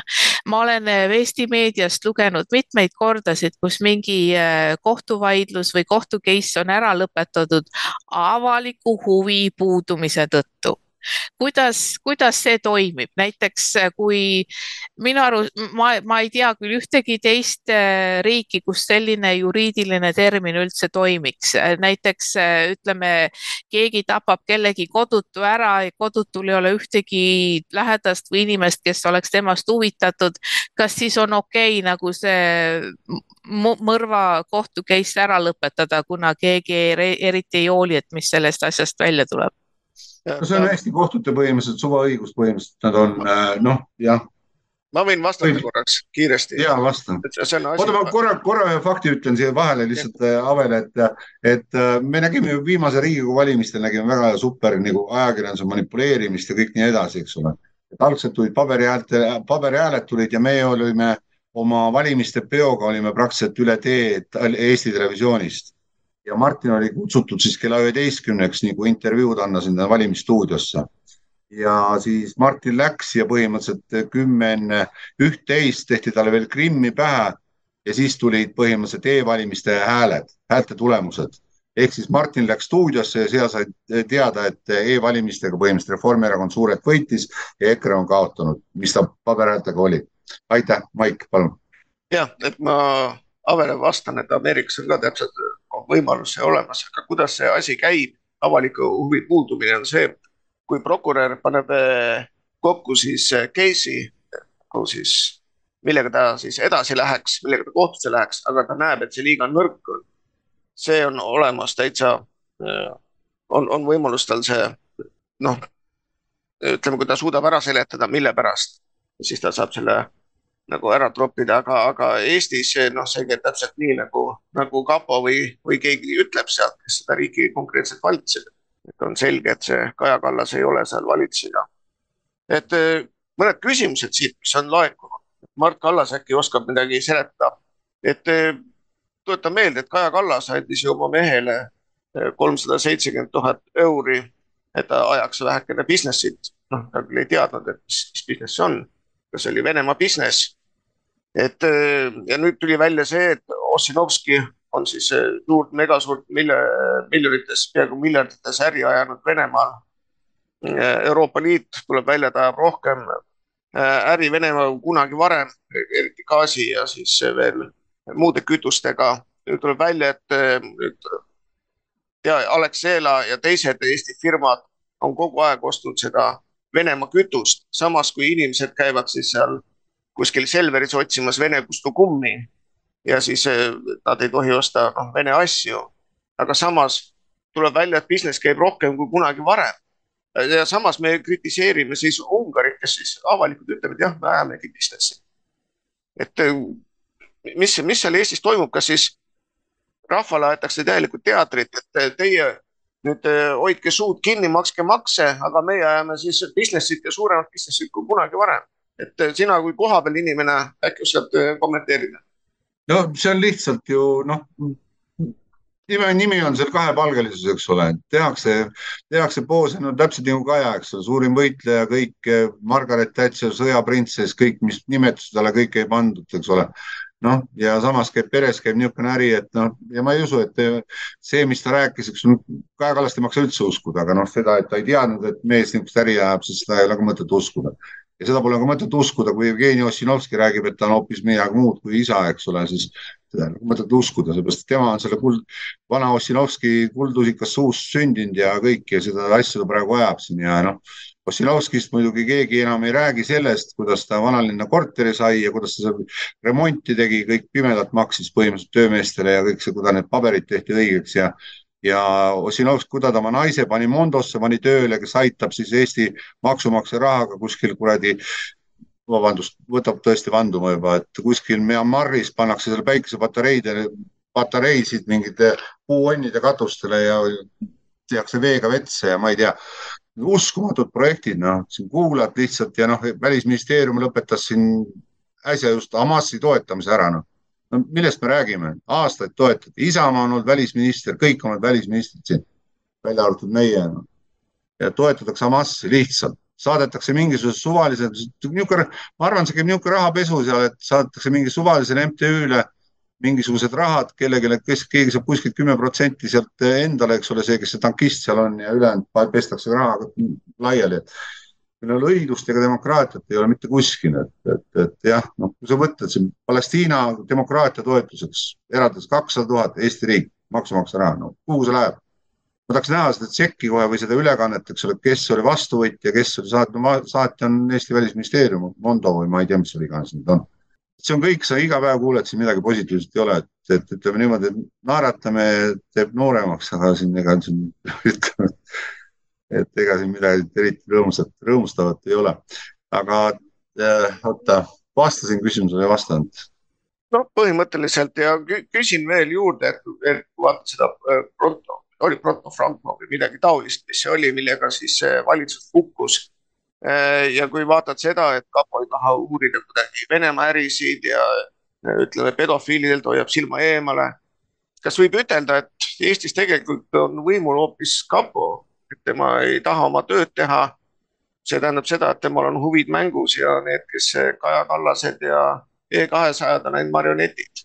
et mis, mis sina arvad? no kindlasti, kindlasti, kindlasti ütleme noh, siin on ütleme niimoodi, et see kett on ikka päris lai, ütleme seal kapo kindlasti võib olla üks, üks, üks, üks tegelane seal, aga seal on ikka, see asi on ikka aetud nii ämblikuvõrk on laetud nii laiali, et iseenesest siin ei ole vaja isegi kellelgi midagi mõeldagi, nad on automaatrežiimi peal ja nad tegelevad. ma isegi ei ole aru, ma ei ole isegi mõtlema hakanud, eks ole, mille nimel nad arutavad, mis nende lõppeesmärk võib olla ma ei usu, et nad päris mõtlevad seda, et Eesti riiki hävitada kuidagi, aga, aga ma arvan, et siiski sellesse kogu see globaalsesse potti ära sulatada, kuskil nurgas jätta mingi, ütleme niisugune noh, piltlikult öeldes nagu pudru peale väike vee või silmakene või midagi niisugust, eks ole. et, et, et aga jah aga sama käib ju, sorry, sama käib ju meie riigis ka, ega meie president ju ka ei tee mingeid otsuseid. Ta on äh, seniilne käpiknukk, kes on peeretanud äh, kuningas Charlesi ja Camilla ees ja, ja Roomas paavsti juures külas käies äh, püksid täis sittunud, vabandust mu vulgaarsuste eest. Ja, ja tegelikult minu arust praegu maailmas valitsebki see tendents, jällegi annab halgusid juurde selle tule tule alla, et tegelikult valitseb igal maal teatud süvariik, kelle nägusid me ei tea, kelle nimesid me ei tea. Just selle nimel ongi pukki pandud sellised kas seniilsed käpikud või, või, või nartsistlikud võimuahned sõjaprintsessid, kes lihtsalt ajavad seda iba suust välja, mis neile on ammu ette kirjutatud. Nad ise ei tee mingeid otsuseid, neil ei ole sellist intelligentsigi, neil ei ole teadmiseid, et midagi ise otsustada. aitäh. ja absoluutselt nõus sinuga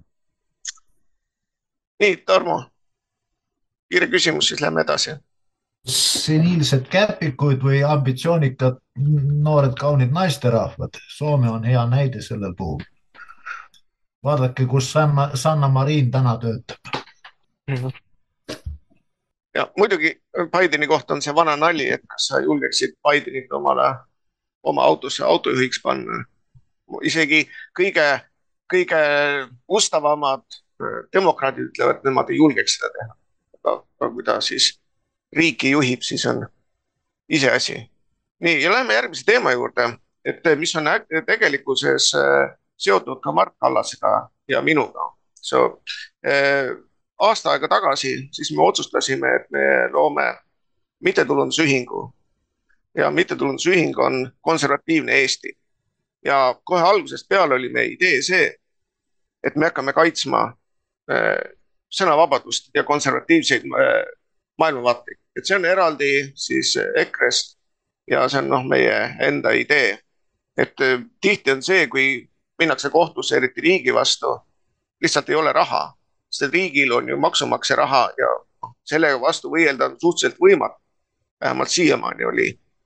ja meie idee oligi see, et hakkame siis selle teemal tegelema ja no esimese asjana, mis me võtsime ette, mis on Eestis kõige suurem probleem, on e-valimised.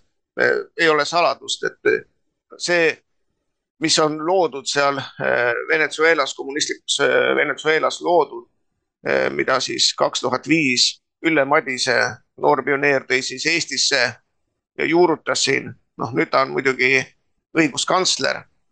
et nii kui see vastu võeti, nii hakkas siis Reform ainult võitma ja minu meelest on ta ainult võitnud kogu selle aja. nii et noh, on, on selge, et teistel ei ole võimalustki ja kui ennem siis eh, noh, varastati ja muudeti neid hääli nii, nagu natuke vaja oli, siis viimaste valimiste juures oli ju näha, oli meil karussellis nii mina kui Mart, et noh, nüüd enam ei viitsitud enam isegi sirget nägu teha, vaid lihtsalt konkreetselt valetati. ja see valetati nii suurelt näiteks siinsamas Mustamäel kui paberhäältega me saime enam-vähem sama palju kui reformid. Aga e-häälte vahe oli kümnekordne ja kusjuures demograafiline grupp, vanuseline grupp oli sama. nii et seletage ära ühelgi, eh, kus on, kus on statistiliselt võimalik see, kuidas on võimalik kümnekordne vahe. no ei, ei tule seda mitte kuidagi, kui on seal mõneprotsendiline vahe, siis veel kuidagi on usutav. ja statistiliselt vist on noh, maksimum seal viis protsenti usutav aga, aga noh, see, see ei ole ja muidugi, kuidas see e-valimised üles ehitatud on, et äh, võib-olla ma kergelt räägin sellest. et meie Eesti see suur ID-kaart, mille üle paljud on uhked ja arvavad, et meie suur interneti äh, siis äh, tiiger on siis loonud selle imelised võimalused. tegelikkuses seesama ID-kaart mida mul kahjuks näidata ei ole, on tegelikult täitsa tavaline pangakaart, toimib täpselt samamoodi. jah, Mardil on näidata. See on täpselt seesama, lihtsalt seal on pilt peal. auditeerimine, kuidas käib auditeerimine, seal on, seal on kiip küljes. Te panete siis vastavusse lugejasse, mis läheb sinu arvutisse. muidugi punkt üks on see, et ta ei ole ühilduv siis Windowsiga, et sa pead vahejupi sinna tõmbama. ja, ja, ja, ja nüüd siit edasi on see, et kes seda auditeerimist teeb, samamoodi nagu pangakaartidega teeb seda sertifitseerimiskeskus, mis on nüüd uue nimega ID, mingi TK või midagi taolist. aga see ei olene, see, see ei ole tähtis. tähtis on see, kes on omanik, kes selle lõi, kes selle lõi, oli SEB Pank, Swed ja Telia ja seda Rootsis, mitte Eestis. seda auditeerimist, et sina oled sina, ei tee Eesti, Eesti riik, vaid teda teeb siis vastavalt siis Rootsi firmad, erafirma. nii et kui võtame seda, et see valimised on siis Smartmaticu poolt tehtud Venezuelas, kontrollimine käib rootslaste poolt, siis mis siis Eestisse jääb, Eestisse ei jäägi midagi kus mujal maailmas on sellist absurdi, teil on PIN kood, PIN koodi panete sisse ja siis see väidabki, et sina oled sina. et noh, sinna juurde võime veel vaadata seda, seda asja, kuidas sa annad digiallkirja. Seal ei ole mitte mingit isikut tõendamist ja samamoodi nüüd hakkame valimisi tegema, et see, see PIN kood, kelle iganes on sinu kaart käes. ja sinu PIN kood käes saab teha selle valimise sinu eest või siis teeb üldse seda programm, sest seda me ka ei tea süsteem on niimoodi tehtud, et seda kontrollida on täiesti võimatu. et äh, andmed liiguvad serverist serverisse krüpteerituna ja ei ole võimalik mitte mingil juhul, kui, tavalise paberhääletamise tekib sede, mida pärast saab uuesti üle lugeda, siis e-hääletuse poole ei teki mitte mingisugust sedelit. ja siit veel juurde see, et viimasel korral, kui tehti äh, siis äh, valimisi, siis need valimised olid juba sellest olid juba absurdid, et need sertifikaadid olid vananenud ehk nende endi seaduste järgi olid nad kehtetud, see tähendab seda, et needsamad hääled olid nullid. ja siit edasi, mis on see seos siis meie konservatiivse Eestiga, on see, et meie aitame inimesi ja me aitame ühte konkreetset inimest, kes jäi välja siis äh, Riigikogust täpselt sellesama asja pärast sellesama äh, nüüd äh, digiallkirjade sertifikaatide mittekehtivuse tõttu, et sellest me räägime nüüd lähima kahe nädala jooksul edasi, kui on need äh, asjad sisse antud, et hetkel on ta täpselt niimoodi, et on advokaadil on kõik paberid olemas, ta on kokku pannud asja ja kohe-kohe antakse see üle. sellega me läheme siis Eesti riigi vastu ehk me aitame inimest riigi vastu minna sealt edasi lähme automaatselt Euroopasse, Euroopa siis politsei poole. et see on noh, niisugune esimene, esimene samm, mida me teeme, aga muidugi me lähme veel eraldi Euroopa Liidu kohtusse, meil on nüüd äh, olemas advokaat, kes on Poolas, kes on väga kõrgelt hinnatud. Äh, mul on neljandal aprillil see aasta mul temaga kohtumine, kohtumine, kus me paneme täpselt paika, mismoodi me, kuidas me teeme, et me ei hakka ette seda kõike rääkima, aga meil asjad käivad ja noh, kuna meie ei saa riigi käest raha, me ei tahagi saada riigi käest raha, vaid meie oleme siis see, kes, keda siis tavaline rahvas toetab ja me oleme saanud vist tänase seisuga seal üle seitsme tuhande euro juba toetusi, mis on väga suur summa. ja millega me saame juba alustada ja millega me alustame ja millega me aitame siis seda asja edasi lükata ja käima lükata, nii et me nalja ei tee ja, ja mis siin veel on, kui inimesed ütlevad, et noh, et äkki, kuidas te ikka riigi vastu saate. aga kui te ei proovi, siis te ei saagi, kui istute niisama, siis ei saagi midagi ja teine asi, mida unustatakse ära, on see, et see kõik läheb Euroopas avalikuks. see Eesti, see pettus, see, kuidas absurdselt üles ehitatud on. ma sain äh, Budapestis kokku siis kuuesaja tipp-poliitikuga, pidasin kõne neile Eesti e-valimistest. Neil on, need olid, silmad olid suured peas, kui nad kuulsid, kuidas, kuidas see absurdsus on üles ehitatud, kui, kui lapselik ja, ja isegi nagu keegi ei viitsi valetada sirge näoga. aga nemad mõtlevad seda, et keegi niikuinii meie vastu ei tee, keegi niikuinii meie vastu ei saa, me istame siin trooni peal, meil on sõbrad Euroopa Liidu siis komisjonis. aga see ei ole niimoodi, kui terve maailm rääkima hakkab sellest, kuidas Eestis on eh, mittelegitiimne võim, kuidas Eestis tehakse hullemaid valimisi kui Venemaal. noh, siis kindlasti te näete, et asjad hakkavad muutuma ja muutuma kiiresti. Sellega seoses me saame ka eh, kõike muud teha, kui ühe korra need e-valimised saame eh, ära lõpetatud, siis järgmisena me tahame seda, et inimestel oleks võimalus, rahval oleks võimalus ise eh, siis rahva küsitlusi, rahva siis hääletusi teha, mis siis oleksid ka siduvad.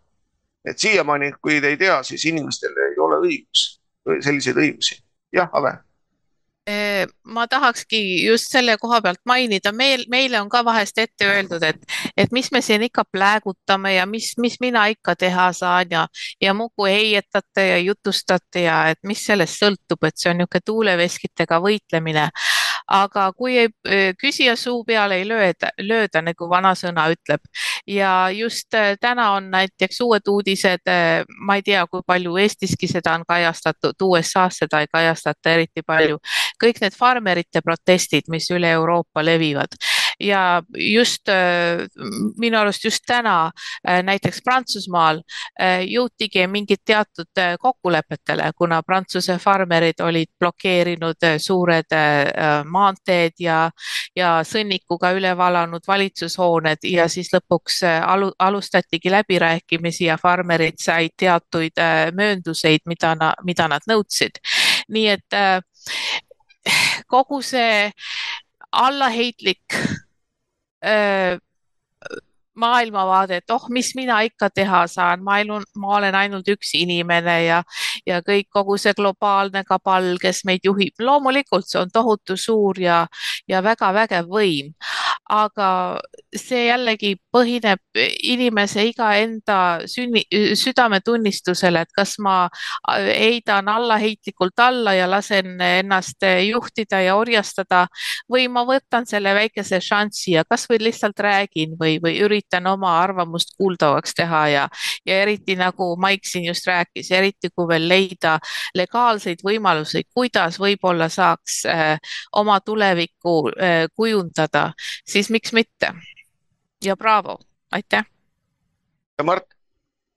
ja no ma võtaks ka see põhimõtteliselt sõna, et jah, et see e-valimiste teema on noh, muidugi väga aktuaalne ja, ja selles suhtes ka, aga noh, me teame, et praegu on veel tulemas ju ega siis valitsus ei maga ja globaalne valitsus ei maga, nad tahavad ikka innovaatilised olla ja nüüd on tulemas ju, toodi juba Riigikogu, hakkab komisjonis hakkab arutelu peale, ehk siis M-valimised on tulemas. ehk siis me anname põhimõtteliselt oma Eesti inimeste valimisõiguse, anname üle nagu Google'ile ja Metale ja kellele iganes, kus kaudu inimesed saavad siis põhimõtteliselt ennast tuvastada siis sealtkaudu nii, see selleks, eks ole, ja sellega vastu põhimõtteliselt ka me tahaks juba algfaasis hakata siin MTÜ-ga võitlema, kui meil vahendid kui inimesed toetavad meid, siis kindlasti me tegeleme sellega. ja kindlasti on üks eesmärk on ka see, nagu ma saate alguses meenutasin siin, et kaks aastat tagasi saatigi inimestele koerad kallale ja pärast vaadati seal mingi tuvastusega inimeste näod üle ja inimestele saati trahvid ja, ja kõik nii edasi, et ütleme, tsiviilkohtus neid äh, kaitsta nende, ütleme, igasuguste vägivalla eest ja me teame, et Riigikogus on tulemas ka põhimõtteliselt vihakõneseadus kus äh, praktiliselt pannakse sul sõnavara suhu, mida sa tohid kasutada ja kui sa midagi kuskilt kõrvale midagi ütled, seal näiteks keda, keegi tunneb ennast solvatuna juba, siis on võimalik juba põhimõtteliselt algatada mingi kriminaalasi, eks ole.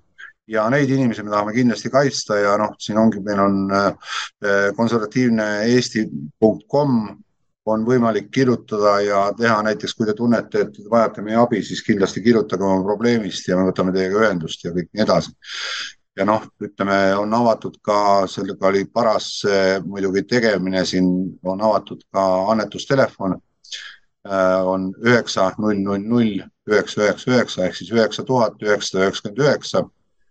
ja meid takistati isegi selle loomisel, et siin äh, Telia näiteks ütles kohe alguses ära, et mis asja, et nalja teete ja konservatiividele ei ava siin mingit telefoni ja siis pandi mulle lõpuks selline äh, hind umbes niimoodi, seal Tele2 poolt näiteks pandi niisugune pakkumine, tehti umbes niimoodi, et teeme, teeme umbes papi pooleks ja noh, siis lähme edasi rahulikult. ja seal teeniti kõvasti, aga meil on põhikirjas konkreetselt äh, mustvalgel kirjas, põhikiri on üleval ka kodulehel konservatiivneesti.com, kus on kirjas, et äh, meie kui MTÜ liikmed, me ei võta oma töö eest tasu ega mitte midagi, kõik kulud on läbipaistvad ja lähevad ainult konservatiivsete inimeste maailmavaate kaitseks. ja, ja me kaitseme neid ja samas ka kindlasti üritame teha siin oma võimaluste piires loomulikult seda e-valimist, siin on härra Põder oli vist, eks ole, ta nimi või? Märt Põder. jah, et eh, tema hagi kaitsta siin ja võib-olla natuke toetada teda, vaatame, et, et kindlasti kõik käib projektipõhiselt, et mida, mitte midagi ei tule niimoodi, et vaatame otsa ja kohvi paksu pealt, et kellele anname raha ja kellele ei anna et jah, suuremaid annetusi saab teha kodulehelt, seal on kõik võimalused olemas, PayPalid ja kõik nii edasi, kontonumbrid ja Eestist lühinumbrile helistades kümme eurot on kõnehind. üheksa tuhat üheksa, üheksa, üheksa. aitäh. et äh, Karl, sina oled nagu äh, IT-spetsialist ja jagad seda e-valimiste asja, et anna enda nagu niisugune kiire kommentaar selle Eesti e-valimiste kohta kuidas see üldse võimalik on, et niisugune asi siin toimib. et äh, väike, väike selgitus sinu poolt. Hmm.. no e-valimised äh, suure tõenäosusega Eestis äh, tehtigi nagu sedasorti eksperiment, et kas on võimalik niimoodi ID-kaardiga valimisi korraldada nii, et need läbi läheks ja noh, selles mõttes Eesti on üsna ainulaadne, et mitte kusagil mujal ei ole, ei ole sarnast, sarnast valimist kasutusele võetud äh, just sellel põhjusel, et ei tekiks selline olukord, nagu Eestis on, et äh, noh, praktiliselt keegi ei usu, et need valimised ausad oleks tegelikult. ei usu ka need, kes, kes siis kaitsevad tuliselt neid valimisi, aga need valimised peavad sellisena olema, et saada sellised tulemused, nagu sealt tulevad et äh, seal tõesti, seal ei ole üldse mõtet, äh, noh, võib minna tehnilistesse detailidesse, aga sellel ei ole nagu suurt äh, tähendust selles mõttes, et, et need valimised on põhimõtteliselt mitteusaldusväärsed ja kõige, kõige paremini tõestab seda see, et esiteks üks ja sama seltskond kontrollib, kontrollib nii nende valimiste tarkvara arendust kui äh, tarkvara kasutuselevõttu, et puudub selline teine või kolmas osapool, kes oleks usaldusväärne. ja üks, ähm, üks tõendus on veel see, millise innuga tõrjutakse välist auditit. et kui noh, mingi aeg ma olin ise ka mm, seal IT-ministeeriumis äh, nõunikuna ametis ja, ja puutusin kokku sellega ja no fakt on see, et sinna ei pääsenud kuigi lähedale sellele valimissüsteemile, seda noh, niimoodi leebelt ja, ja, ja väga jõuliselt kaitsti nagu ligipääsu sellele. Ja kui siis äh, üritati korraldada välisaudit, see oli, see oli meie äh, IT-ministri viimane äh, viimane asi, mis ta enne võimuvahetust äh, üritas teha, et väline audit äh, kutsuda sellele süsteemile, siis äh, noh, seda pidurdati nii palju kui võimalik, kusjuures üks naljakas pidurdus, põhjendus oli see, et, et hanget ei saanud välja kuulutada, kuna nende lemmikpakkuja ehk Price Waterhouse Coopers ei olnud võimeline selle aja jooksul reageerima. ja PricewaterhouseCoopers on, on väga kuulus firma ja muuhulgas kuulus ka oma, äh, oma korruptsiooniskandaalide poolest eri riikides. nii et äh, ja esimene asi, mis, mis uus IT-minister tegi, oli, oli see hange tühistada. ja öeldakse meile, et, et see süsteem on ähm, on auditeeritud, et, et on tehtud ju audit ja, ja kõik oli korras ja ma ei tea, kui paljud on lugenud seda auditit, et see audit on umbes selline, kui, kui kõige lihtsam võrdlus, et, et kui näiteks meie auto läbib tehnilise ülevaatuse ja see tehnilisel ülevaatusel kontrollitakse ainult lõhnakuuske ja, ja tagumist stopp-tuld rohkem mitte midagi, ei pidureid, ei mootorit, mitte midagi. et see ei ole väga usaldusväärne audit ja, ja täpselt samasugune on see audit, mida tehti äh, Eesti e-valimistele, seal kontrolliti mingisuguseid vastavusi mm, formaalsetele punktidele, aga mitte mingisugust kontrolli ei olnud selle üle, kas ta on, kas ta on tegelikult usaldusväärne, kas ta on kuidagi kaitstud sisemise rünnaku eest, sise, sisemine rünnak on kõige kõige suurem probleem, mis seostub jälle sellega, et üks ja sama meeskond kontrollib nii tarkvara tootmist kui kasutuselevõttu ja kedagi teist sinna ligi ei lasta. Ka need äh, vaatlemised, mida seal korraldati teatraalselt, ka need olid ju tegelikult selline must kunst, suits ja peeglid, et näidati mingisugust musta kasti, seal toimus midagi. Äh, numbrid jooksid ekraani peal, aga mis seal tegelikult toimus, ei tea ju keegi. et sellest tuli ka pisikene skandaal viimaste valimiste ajal, kui, kui tegelikult mina pidin minema ju seda kontrollima sinna pidin osalema sellel äh, nii-öelda pidulikul vaatlemisel, kui hääli kokku loeti. aga ma ei läinud, sellepärast et sinna minnes oli, oli kolm varianti. üks oli see, istuda seal lihtsalt vaadata, kuidas need numbrid jooksevad. tulemus oleks olnud see, et öeldakse, et näete, EKRE esindaja viibis seal ja ta kinnitab oma seal viibimisega, et kõik oli korras. variant kaks minna sinna, tõusta püsti ja räuskama hakata, et see kõik on vale, mis siin näidatakse noh, siis oleks ilmselt sellise paraja klouni tiitli saanud ja umbes sama tulemus, et umbes, et, et ta tuli ja tegi mingit tsirkust, aga valimised on ikkagi väga usaldusväärsed. ja kolmas variant oli siis, mis ma valisin, et, et ei lähe lihtsalt, et, et ei ole mõtet seda tsirkust vaadata, ei ole mõtet oma kohalolekuga kinnitada, et, et see asi on usaldusväärne. aga see on tõesti, see on, see on lihtsalt mustkunst, mis toimub e-valimiste ümber aga noh, jälle, kui me selle alguse kabaali teema juurde tuleme, et miks seda e-valimist hoitakse niimoodi? Põhjus on just see, et, et valimistulemused oleks samasugused, nagu nad tulid. et no selle kabali või maailmavalitsuse kõige suurem probleem on, ongi rahvusriigid ja eriti rahvuslikud parteid. Sellepärast et ähm, rahvusvahelistesse organisatsioonidesse saab paika panna inimesed, seal lihtsalt kuskilt tuleb kandidaat, ta pannakse ametisse ja, ja keegi ei vali teda sinna, aga riikides peab formaalseid valimisi korraldama. ja et saada õiged inimesed, kes täidavad käsku, on vaja siis neid valimisi kuidagi, kuidagi mudida niimoodi, et saada õiged tulemused. Ja, ja e-valimised on, on ideaalne. Ja muide, tegelikult see Eesti e-valimiste või üldse maailmas valimistega tõenäoliselt lähiajal midagi toimub, sellepärast et paar sellist väikest märki, mis on õhus.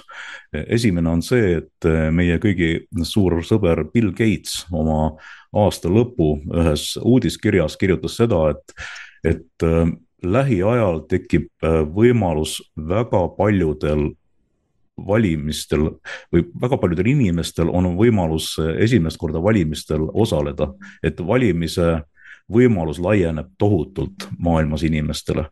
ja teine väike infokillukene äh, oli see, et viimasel Davose, äh, Davose koosviibimisel oli selline väike lõigukene, kus räägiti äh, Äh, valimistulemuste ennustamisest, et, et lähitulevikus on, on tehnika nagu nii toredal äh, tasemel juba, et inimestel pole vaja äh, vaeva näha valimistel osalemisega. et arvutisüsteem suudab ennustada, mida need inimesed valiksid või keda nad valiksid ja võib-olla siis, võib-olla siis lähiajal üritatakse juba sinnapoole minna, kaugemale sellest M-valimiste asjast ja, ja kõigest.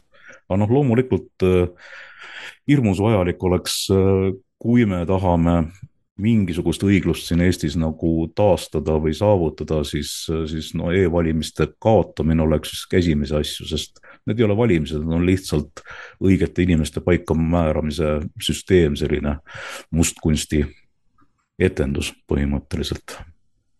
vot, et nii palju. nii, tänud, et äh, ma kiiresti siin sain väikse niisuguse äh, message'i, kus siis räägib, mis Marylandis siin meie nüüd äh, osariigis, mis nüüd hääletusele tulevad. Äh, hääletusele tulevad sellised seadusemuudatused, et valitsusel ehk siis osariigil on õigus ütelda, mis asi on siis vale, valeuudis ehk fake news. teine asi on see, et lubada alaealisi siis äh, Board of Education'i valimistele ehk siis, siis kes vastavalt eh, neid kooliasju ajavad siis tahetakse viieteistaastastele anda siis valimisõigus ja muidugi tahetakse anda ka valimisõigus kõigile inimestele, kes siis merres elavad, see tähendab ka need, kes üle piiri jooksnud on. nii et noh, kujutate ette, eks see tuleb igale poole, niisugune jama. Et äh, siin järjekorras siis Mart. ja, ja aitäh. et ma tahtsin lihtsalt lisada äh, Karolovi jutule, et äh, meie valduses on iseenesest ka Soome justiitsministeeriumi raport selle kohta, miks e-valimised Soomesse ei sobi ja samuti on ka selline dokument nagu töörühma põhimõtteliselt kogu tegevus ja, ja nende siis aruanne põhimõtteliselt justiitsministeeriumile, et, et miks e-valimised ei ole turvalised ja kõik nii edasi, et see on täielik äh, noh, ütleme niimoodi, et ebausutav ja kõik nii edasi. aga lihtsalt, äh, lihtsatele inimestele tähendab, ütleme, ma ei tea, Karl Olav võib mulle vastata, ma räägiks lihtsalt hästi lühidalt ära, et, et isegi kui isegi ütleme niimoodi, et me ei saa sellest e-valimistest lahti. minu nägemus on asjast niimoodi, et me võiksime põhimõtteliselt kuidagigi selle ukse kinni panna, et kui ma korra olen e-hääletanud, siis on see kõik, see uks on lukus. et et see, et seal lastakse põhimõtteliselt tädi Maalil seal või vanadekodus kellelgi kümme korda hääletada niimoodi, muutama häält, muutama kandidaati, kõik. kes selle viimase uksu kinni paneb, seda me ei tea mitte keegi, see uks on laiali. aga kui oleks mingi automaatne, eks ole, niisugune äh, valem seal peal, eks ole, et põhimõtteliselt peale hääletust läheb uks kinni ja me suudaksime seda kontrollida, see oleks ka juba väga suur asi iseenesest. et see on kõik, mis ma tahtsin öelda, aitäh. jah, ja Maarjo Karl tahtis vastata midagi, äkki, äkki mm. saad, Maarja kannatab korra, Karl vastab. ma üritan hästi lühidalt, et äh, tege-, äh, see muudaks üsna vähe, see jah, loomulikult on, on see äh, üsna, üsna nigel süsteem, et seda häält võib mitu korda järjest vahetada. aga e-hääletuse süsteemi kõige suurem probleem on see, et häälte lugemise selles kõige viimases moodulis on võimalik, äh, äh, kui no ütleme jälle, kui toimub see sisemine rünne või selle hääletussüsteemi haldaja tahab saada sealt vajalikke tulemusi, siis ei mängi mingit rolli see, mis seal enne toimub, kes, millal, kui palju hääli annab e. hääled nihutatakse ära siis kõige viimases plokis ja suure tõenäosusega umbes niimoodi, kui noh, keegi ei saa öelda, keegi ei saa tõestada, et midagi sellist toimub. aga kui toimuks, siis kõige valutum, kõige kiirem, kõige efektiivsem on see, kui tõstetakse hääli ringi.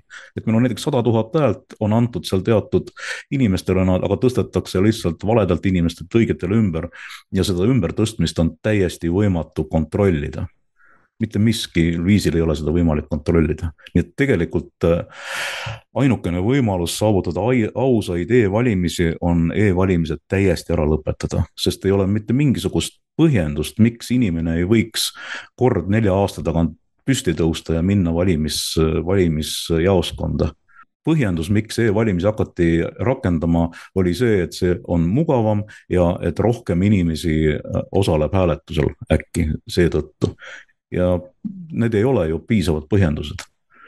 aga noh, see on see, et kui me, kui me räägiksime nüüd ausalt asjadest, et siis oleks nii, aga kui me lähtume sellest, et e-valimised on vajalikud selleks, et saada õiged inimesed võimu juurde, siis kõik need tehnilised detailid muutuvad ju teisejärguliseks. et jah. nii ja Marju? ja on mind kuulda, jah? on. et äh, sihuke küsimus, et äh, paljud kandidaadid suutsid tegelikult ära tõestada selle, et valimisi võltsitakse, kui valijad ise tegid pilti vali, keda nad olid valinud.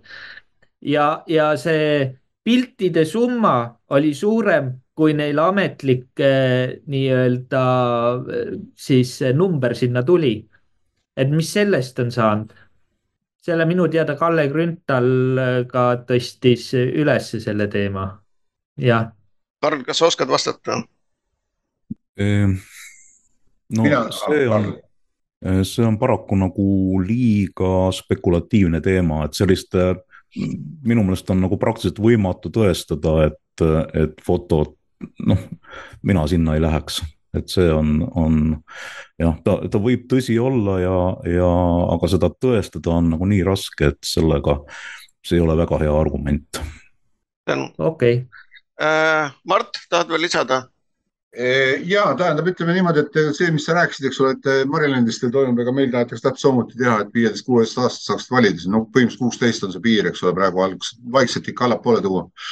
Et nad noh, ütleme noored on ikka päris mõjutatavad ja siin on näha, et, et, et, et jutt käib ikka sellest, et kui on, kui on kena meik peal, siis põhimõtteliselt hääl läheb no et ei piisa, ei, ei oma absoluutselt mingit tähtsust, mis ta maailmavaade on või mis ta iganes on, et eh, artistid, kõik ütleme siin superstaarid, kõik nii edasi, need on, need on tuleviku parlament, kui me niimoodi jätkame ja noh, ma olen siin kohtunud noortega ja noh, vene noortega just, tehti meil üks liige kutsus mul täpselt, vene noored kutsus, tegid must saate veel siin, äkki on Youtube'is ka kuskil üleval, leiate ülesse ja küsisid ka, et miks noored peaksid valima minema, eks ole. ma ütlesin, et mingegi, sellepärast muidu vanad pässid nagu mina, eks ole, otsustame teie tuleviku üle, eks. ja nad olid väga, ütleme, mõistvad ja arusaajad inimesed ja väga hästi ja, ja intervjuu käis vene keeles. et ma ei saa, salga, et ma vene keelt ei räägi ja ma suhtlen, kui mul see keel on selge, siis ma suhtlen selles keeles ka, et aroos teile, eks aga jah, et eh, selleks MTÜ on loodud ja kui siin alguse tulla tagasi, eks ole, siis MTÜ on selleks loodud, et, et neid kõiki huvitavaid asju teha ja kõik oleneb sellest, et palju meil rahva toetust on ja, ja, ja, ja sellest ka planeerime oma, oma edasist tegevust. et kui võimalik on, siis palun toetage. aitäh. Lauri Koni soovib sõna. ja tervist teile kõigile. Äh, ka öelda midagi. Kas on kuulda? on kuulda? ja, ja vabandust, äh, vabandust, minu nimi on Lauri Koni, olen siis ise ka äh, kandideerisin Tartu ja Jõgevamaal Riigikogusse. ja minu e-valimistega e nii, et äh, kui ma ise läksin e, e enne kodus tegin e-valimised, läksin ka sedeliga hääletama, siis oleks võinud ka arvuti ära näidata, et ma olen juba eelnevalt sedeliga hääletanud. Aga see selleks, minu üleskutse oleks ka võib-olla, mida ma saan aru, et rahaliselt oleks kindlasti vaja toetada, Mart, et kas saaks kuidagi ka jagada äh, ka meile, osakondadele, et infot, kuidas me saaksime rahaliselt toetada, et me saaksime seda e-häälest äh, valimisi lõpetada, et Maiki äh, toetada sealtpoolt kandist. minu, mina ei ole siin Elva osakonna juures, enda juures seda üleskutset näinud põhimõtteliselt üleskutse, kas saaks suuremalt seda jagada, et me saaksime selle äh, äh, nimel tööd teha? aitäh. ja kindlasti saad, aitäh küsimuse eest, kindlasti saate, aga tähendab, asi on selles, et siin on natukene selles suhtes, et me, me ei lähe nagu EKRE egiidi all. me, on MTÜ, eks ole, meid ei oma parteid siin alguses, kui me tulime reklaamiga välja, tahate jälle uut konservatiivset parteid teha. ei taha me tahame lihtsalt konservatiivset maailmavaadet toetada ja ma ei ole sellepärast nagu põhimõtteliselt EKRE kaudu seda isegi reklaaminud mitte kuskilt. meil oli ainuke koht, kus me selle panime, panime Lääne-Tallinna ringkonna jõulupeole või talvepeole panin aknalaua peale, et kas äkki keegi helistab. helistasid küll. et äh, kindlasti soovitan külastada, eks ole, konservatiivne Eesti.com. Äh, Maik tegi seda kogu lehel, sellepärast on lõpp on kom ja, ja, ja, ja, ja sealt saab põhimõtteliselt kõik variandid kätte ja noh, kui sa Facebookis minu lehele lähed, siis minul on seal äh, kinnitatud postitus on kohe esimesena äh, üleval, et, et, et kindlasti sealt saab ka telefoninumbri meeldetuletuseks, aga ma äh, arvan, et kõik siin näiteks suvepäevadel ja kõik seal ja aprillis on meil plaanis ka Maigiga teha Eesti tuur, et äh, hmm, kindlasti kohtume ja räägime täpsemalt mainin veel seda juurde, et eh, meil kohe algusest peale oli põhimõte, et meil on sõltumatu MTÜ, et meil ei tule keegi ütlema, ükski poliitik ei tule meile ütlema, mida me tohime teha, mida me ei tohi teha. või siis tõmmata paralleele. Ehm, sellepärast me ei tahagi ka eh, siduda enda ühegi partei, parteiga või ütelda, et me teeme ühe või teise asja. kui poliitikutega läheb eh, asjaajamiseks, siis see asi läheb tavaliselt kuskile võssa või siis arvatakse, et ärge tehke, et ma võin sulle ütelda, et vähemalt kord nädalas ma saan emaili, kus öeldakse, et ära tee seda, unusta ära, see ei, ei tasu ära, hoidke eemale. ka see annab tegelikult rohkem meile seda indu selle asjaga. no see ei käi ju, Maik, see ei käi ju MTÜ kohta. see käib su raadio, see käib su raadiosaadete kohta see. on, see on puhtalt, puhtalt e-valimiste kohta, et ära torgi seda. just, just, just. ma mõtlesin, et MTÜ kohta öeldakse sulle, et ära tee seda. ei, see ongi täpselt MTÜ kohta, mitte okei, okei, öeldakse, öeldakse, et ärge torkige seda. no vot, jah, et sellised on. et eh, proovin võtame, uuesti. saan öelda? jah, oh.. Ähm, kõik, mis te räägite, see on nii ilus, aga samas mina ütlen selle kohta niimoodi, et peaks kogunema kokku Eesti eest, lihtsalt Eesti eest, rahva hääl ja kõik, üks punt. vaat siis hakkab asi mõjuma. igaüks nokiseb oma nurga all, räägib ja kuulavad, ma, ma olen kõikide kuulaja, aga ta ei toimi. nii, nii, nagu ta peaks suureks minema. aitäh. no ma vastaks kiiresti Teedule, kui tohib vahepeal. vaata, siin on kaks asja, eks ole, see üks punt ja suur punt, eks ole, see on iseenesest on ta igati tervitatav.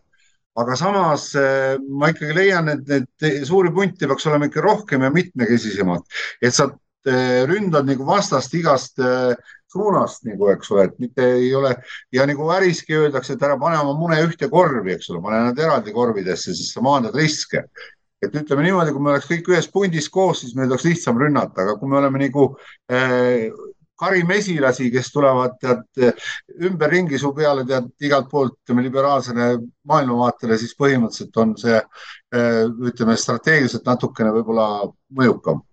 aga kindlasti koostööd tuleb teha ja selle vastu ei ole mitte kellelgi absoluutselt mitte midagi. vahet äh, räägin seda ka, et tegelikkuses juba asjaga on tegeletud ja siin mitmed ütleme, alternatiivsed meediaväljaanded hakanud päris tõsiselt viimase paari nädala jooksul äh, tegelema selle nimel, et, et, et ühist meediat luua ja ühiseid saateid tuua ja jagada oma kogemusi ja asju, et see on juba. Timo Kalaus on selle asja päris tugevasti edasi võtnud ja siin on veel Vanglaplaneet ja teised, kes siin tõsised, tõsised mõtted on ja, ja miks mitte varsti tulla välja siis digitelevisiooniga väga hea. Et äh, siin on järjekorras mitu inimest, et Tarmo natukene oota, ma annan Avele hetkel sõna. Ave ei kuule sind. ei, nüüd on mikrofon ka välja, näitab, et väljas on. nüüd on nagu sees, aga ei tule häält. okei okay., noh, ainukene, kes kostab, on Kallas. tšau, Mart Ah?. tere, Mart. tere, tere. jah. keegi ütles tere, aga rohkem, rohkem ei olnud kuulda. nii, Maik, Maigil on ka mikrofon nüüd väljas, mis te nalja teete nüüd? Maik, mikrofon on väljas sul, nii, nüüd on korras. siin on midagi kahtlast toimumas. nüüd läheb ise kinni kõik see asi. nii, kas Nii, ke- Tarmo, Tarmol on küsimus? mina olen täitsa kuuldel, et ma tahtsin ka selle koha pealt sõna võtta, et, et ma kuulan neid eh, paljusid erinevaid eh, jututube ja foorumeid ja, ja eh, raadioid ja, ja ka seda, mida Mait siin mainis ja ütlen täpselt samuti, et mitte mingil juhul ei tohi nüüd niimoodi teha, et me kõik nüüd ühineme ühte suurde.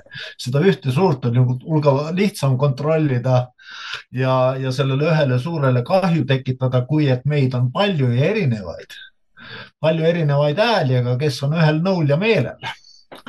see selleks, aga küsimus Maikile nüüd otseselt selle kohtu case'i kohta, et kohtuveskid teatavasti jahvatavad väga aeglaselt ja niikaua, kui need kohtuveskid jahvatavad, võivad veel kaks või kolm e-valimist toimida.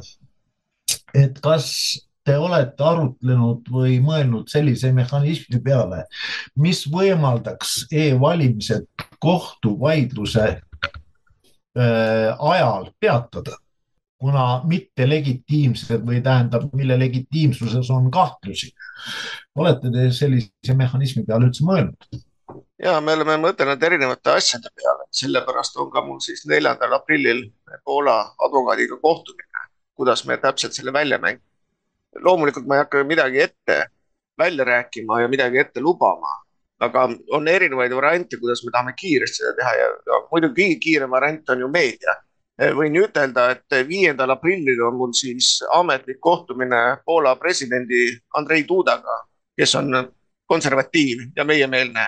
loomulikult me toetame teda tema võitluses, aga samas on ka ta palju tutvusi, kes saavad, eriti meedias, kes saavad meid aidata. ja loomulikult olen ma juba talle saatnud ette paber sellest, mis Eestis toimub, ka selle, mis, mis auditi märk tegi niimoodi, et nad on asjadega kursis ja samamoodi on mul siis kahekümne neljandal märtsil, oli vist kakskümmend neli märts, väga veel täpselt ei tea, aga on siis Viktor Orbani otsese alluga mul siin kohtumine, kuhu ma olen andnud talle üle siis materjalid meie e-valimiste kohta. et just seda, et seda meedias laiali saata ja sundida. see on üks asi, mida siis ütleme, meie reformikad ja nemad kardavad, kardavad välismeediat ja seda, kuidas neisse suhtutakse. niimoodi, et me sunnime seda igatepidi, ühtepidi ja teistpidi ja kolmandat pidi aga konkreetseid asju ma veel välja ei räägi. ja seda, mis meil nüüd, nüüd lähima kahe nädala jooksul plaanis on, seda saab meediast kohe varsti teada. et loodan, et vastasin küsimusele. absoluutselt, aitäh. et kas kellelgi on veel küsimusi? kui, kui hetkel ei ole, siis ma küsiksin siin, mis on internetist küsitud meil, et, et äkki Ave oskab vastata, kui Ave kuuleb mind. kuuleb, aga ei räägi no midagi, sul on mikrofoniga on seal mingi jama sul, ma kardan. liiguta seda. ei ole. Ave on, Ave on siis kapo poolt äh, siin maha võetud see, see paistab mingi kaabli viga olevat. Mul on ka tunne, et seal on kaabli viga mingisugune, kas on kõlar, kõlari see liigutamine, midagi ennem see mõjutas õudselt palju hääle tugevust. no ma proovin Proov... siin ise. proovi kui ilma ilma klapita siis ei tule. Äh, ma proovin ise vastata siin, et siin on inimene küsinud, et kui palju on juute siis äh, USA valitsuses. konkreetselt ma ei tea, aga ma arvan, et umbes pooltel on Iisraeli passid taskus, et see on täitsa avalik info. Nii et noh, sealt võite ise teha järeldusi. siin ütles üks kommentaator ütles, et, et Donald Trump, et ta sõltub doonoritest, et tal on jah doonoreid, loomulikult on sul vaja doonoreid, aga ta ei võta neid kuulda ja tal on piisavalt raha, et ütelda ei nendele, kes hakkavad teistpidi ajama. eks see muidugi ei ole jällegi niisugune kahe otsaga asi, sest ma siiamaani ei saa aru, miks ta neid vaktsiine nii soosis ja nii, nii nende poolt oli ja miks ta lasi siis eh, juurde trükkida nii palju raha, et inimesed ei pidanud siis mitu kuud tööl käima. et noh, need on asjad, millele minul on suured küsimused, miks ta neid tegi, kas siis tõesti need nõuandjad olid tal nii halvad või mis, või ta ei olnud lihtsalt harjunud sellega, et see süvarik on nii suur ja siis hõlmab kõiki teisi. Neid kaks küsimust.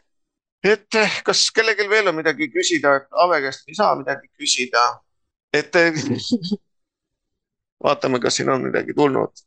küsitakse e-valimiste kohta ja me oleme selle juba läbi rääkinud et ma arvan, et äh, selleks korraks me võime joone alla tõmmata, et meil on üle viiesaja vaataja hetkeks, mis on väga hea, mis on rohkem, kui me eeldasime.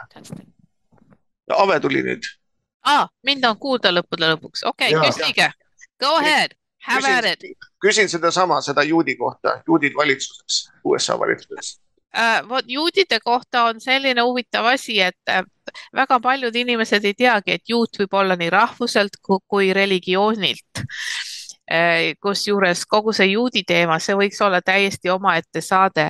Äh, töökoht, kus ma töötan Eesti Arhiivi ühinriikides, see on sellises linnaosas nagu Lakewood, New Jersey, mis on Kesk-Jersey ja see on üks kõige suuremaid ortodoksi juudi äh, keskkondasid, kus siis inimesed on need nii-öelda need vanausksed juudid, kes käivad nende väikeste kaabudega ja, ja naised peavad oma juuksed kinni katma ja seal peetakse sabatit, selle tõttu laupäeviti on seal väga lihtne ringi sõita, kuna juudid ei tohi autot juhtida sabati ajal uh,. Neid, see juudi küsimus ongi selline küsimus, küsimus, mis on minu arust nagu kõige see viimane uh, tabu igas keskustelus kasvõi sinnamaani välja, et uh, mm.? Oh my god, näiteks kogu see oktoobrirevolutsioon Venemaal kes selle organisoo-, e, organiseeris, kelle jaoks see oli vajalik.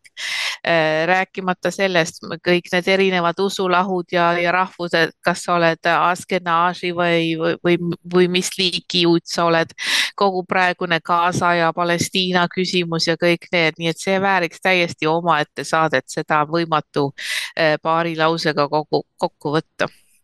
jah, äh, tänud, et siin on muidugi jällegi väikseid äh, kommentaare tulnud, et, et EKRE ise lõhestab konservatiive oma mõningate lollide väljaütlemistega. muidugi, eks see on niisugune suhteline asi, mis on loll väljaütlemine, et. Äh, noh, see on stampväljend, stampväljend selline, et jah. kui on, kui on sul. palun konkreetseid fakte, millega? kui sul on kümme tuhat liiget, siis kõik ei saagi olla täpselt ühel samal meelel ja igalühel on meil õigus enda arvamusele, et seda unustatakse ära, et kui me oleme EKRE-s see ei tähenda seda, et ma peaksin ainult äh, äh, partei põhikirja luge-, äh, ütleme, esindama, vaid ma esindan ka tavaelus iseennast ja siin saates ja üldse Ameerika Hääle saadetes me esindame eelkõige iseennast ja me ei pea, meil ei ole ette kirjutatud, et mis, mis teemal ja kuidas me peaksime vastama. ja kui siin inimene ütleb, et Timo Kalaus, tema ka lõhestab konservatiive, siis see Timo ei ole EKRE-s. Timo mõtleb täpselt nii, nagu tema ise tahab, ta teeb saadet täpselt nii, nagu tema ise tahab. Need, kes tulevad sinna saatesse talle külla, nad räägivad sellest, mida nemad mõtlevad, see, inimesed peavad aru saama, on olemas sõnavabadus. et ei ole niimoodi, et me näitame mingisugust konkreetset agendat. me ei ole ETV, mis näitab punalippu ja vikerkaarelippu, me võtame kõiki kõiki erinevaid arvamusi arvesse ja meid ühendab see, et jah, me oleme konservatiivid, see tähendab seda, et me, me oleme, seisame oma perekonna eest ja seisame oma maa eest. ja ma usun, et see on see põhiasi, mis peab ühendama, mitte see, mida keegi seal kuskil natukene ütles või, või natukene palju ütlemata jättis. see on minu arvamus. no teinekord peab ütlema ka et tähelepanu saada, sellest muidu ei paista üldse, noh, ütleme välja. aga ma võin kõikide rahustuseks öelda, et äh, EKRE on täiesti tavaline, normaalne Eesti erakond, konservatiivne erakond ja ei ole meil mingit usulahku ja ei ole niimoodi ka, et hommikul ärkame üles ja tahame kulpi Marti ja Mart Helme pildi ees ja, ja, ja musitame ja öösel enne magamaminekut loeme Mart Helme raamatut ja et me oleme täitsa tavalised inimesed ja mõtleme isamaaliselt, konservatiivselt ja perekonnakeskselt. ja ma arvan, et sellega me siis lõpetamegi täna, et me oleme siin üle kolme tunni juba eetris olnud, et see on tund aega rohkem, kui meil oli arvestatud. nii et tänud kõigile, kes tulid. ja siis usun, et meil tuleb veel selliseid konverentse, kus saame rääkida ja palun saatke meile oma küsimusi, kui teil tekivad. nii et nägemist noh, kindlasti võiks teha mingisuguse majandusteemalise näiteks samasuguse konverentsi, siin on, põhimõtteliselt saaksime hea publiku kokku ja head külalised ka. aitäh Kind, kõigile. kindlasti, tegemist. nii, asi korras ja ma pean edasi tegutsema. oh, sa oled ikka veel liinil või? liinil jah, inimene peab tööle minema. ma tahtsin privaatselt sulle paar komplimenti öelda, nagu see, mis sa tegid. noh aga kuna ma ei ole privaatne, järelikult ma ei saa sulle seda öelda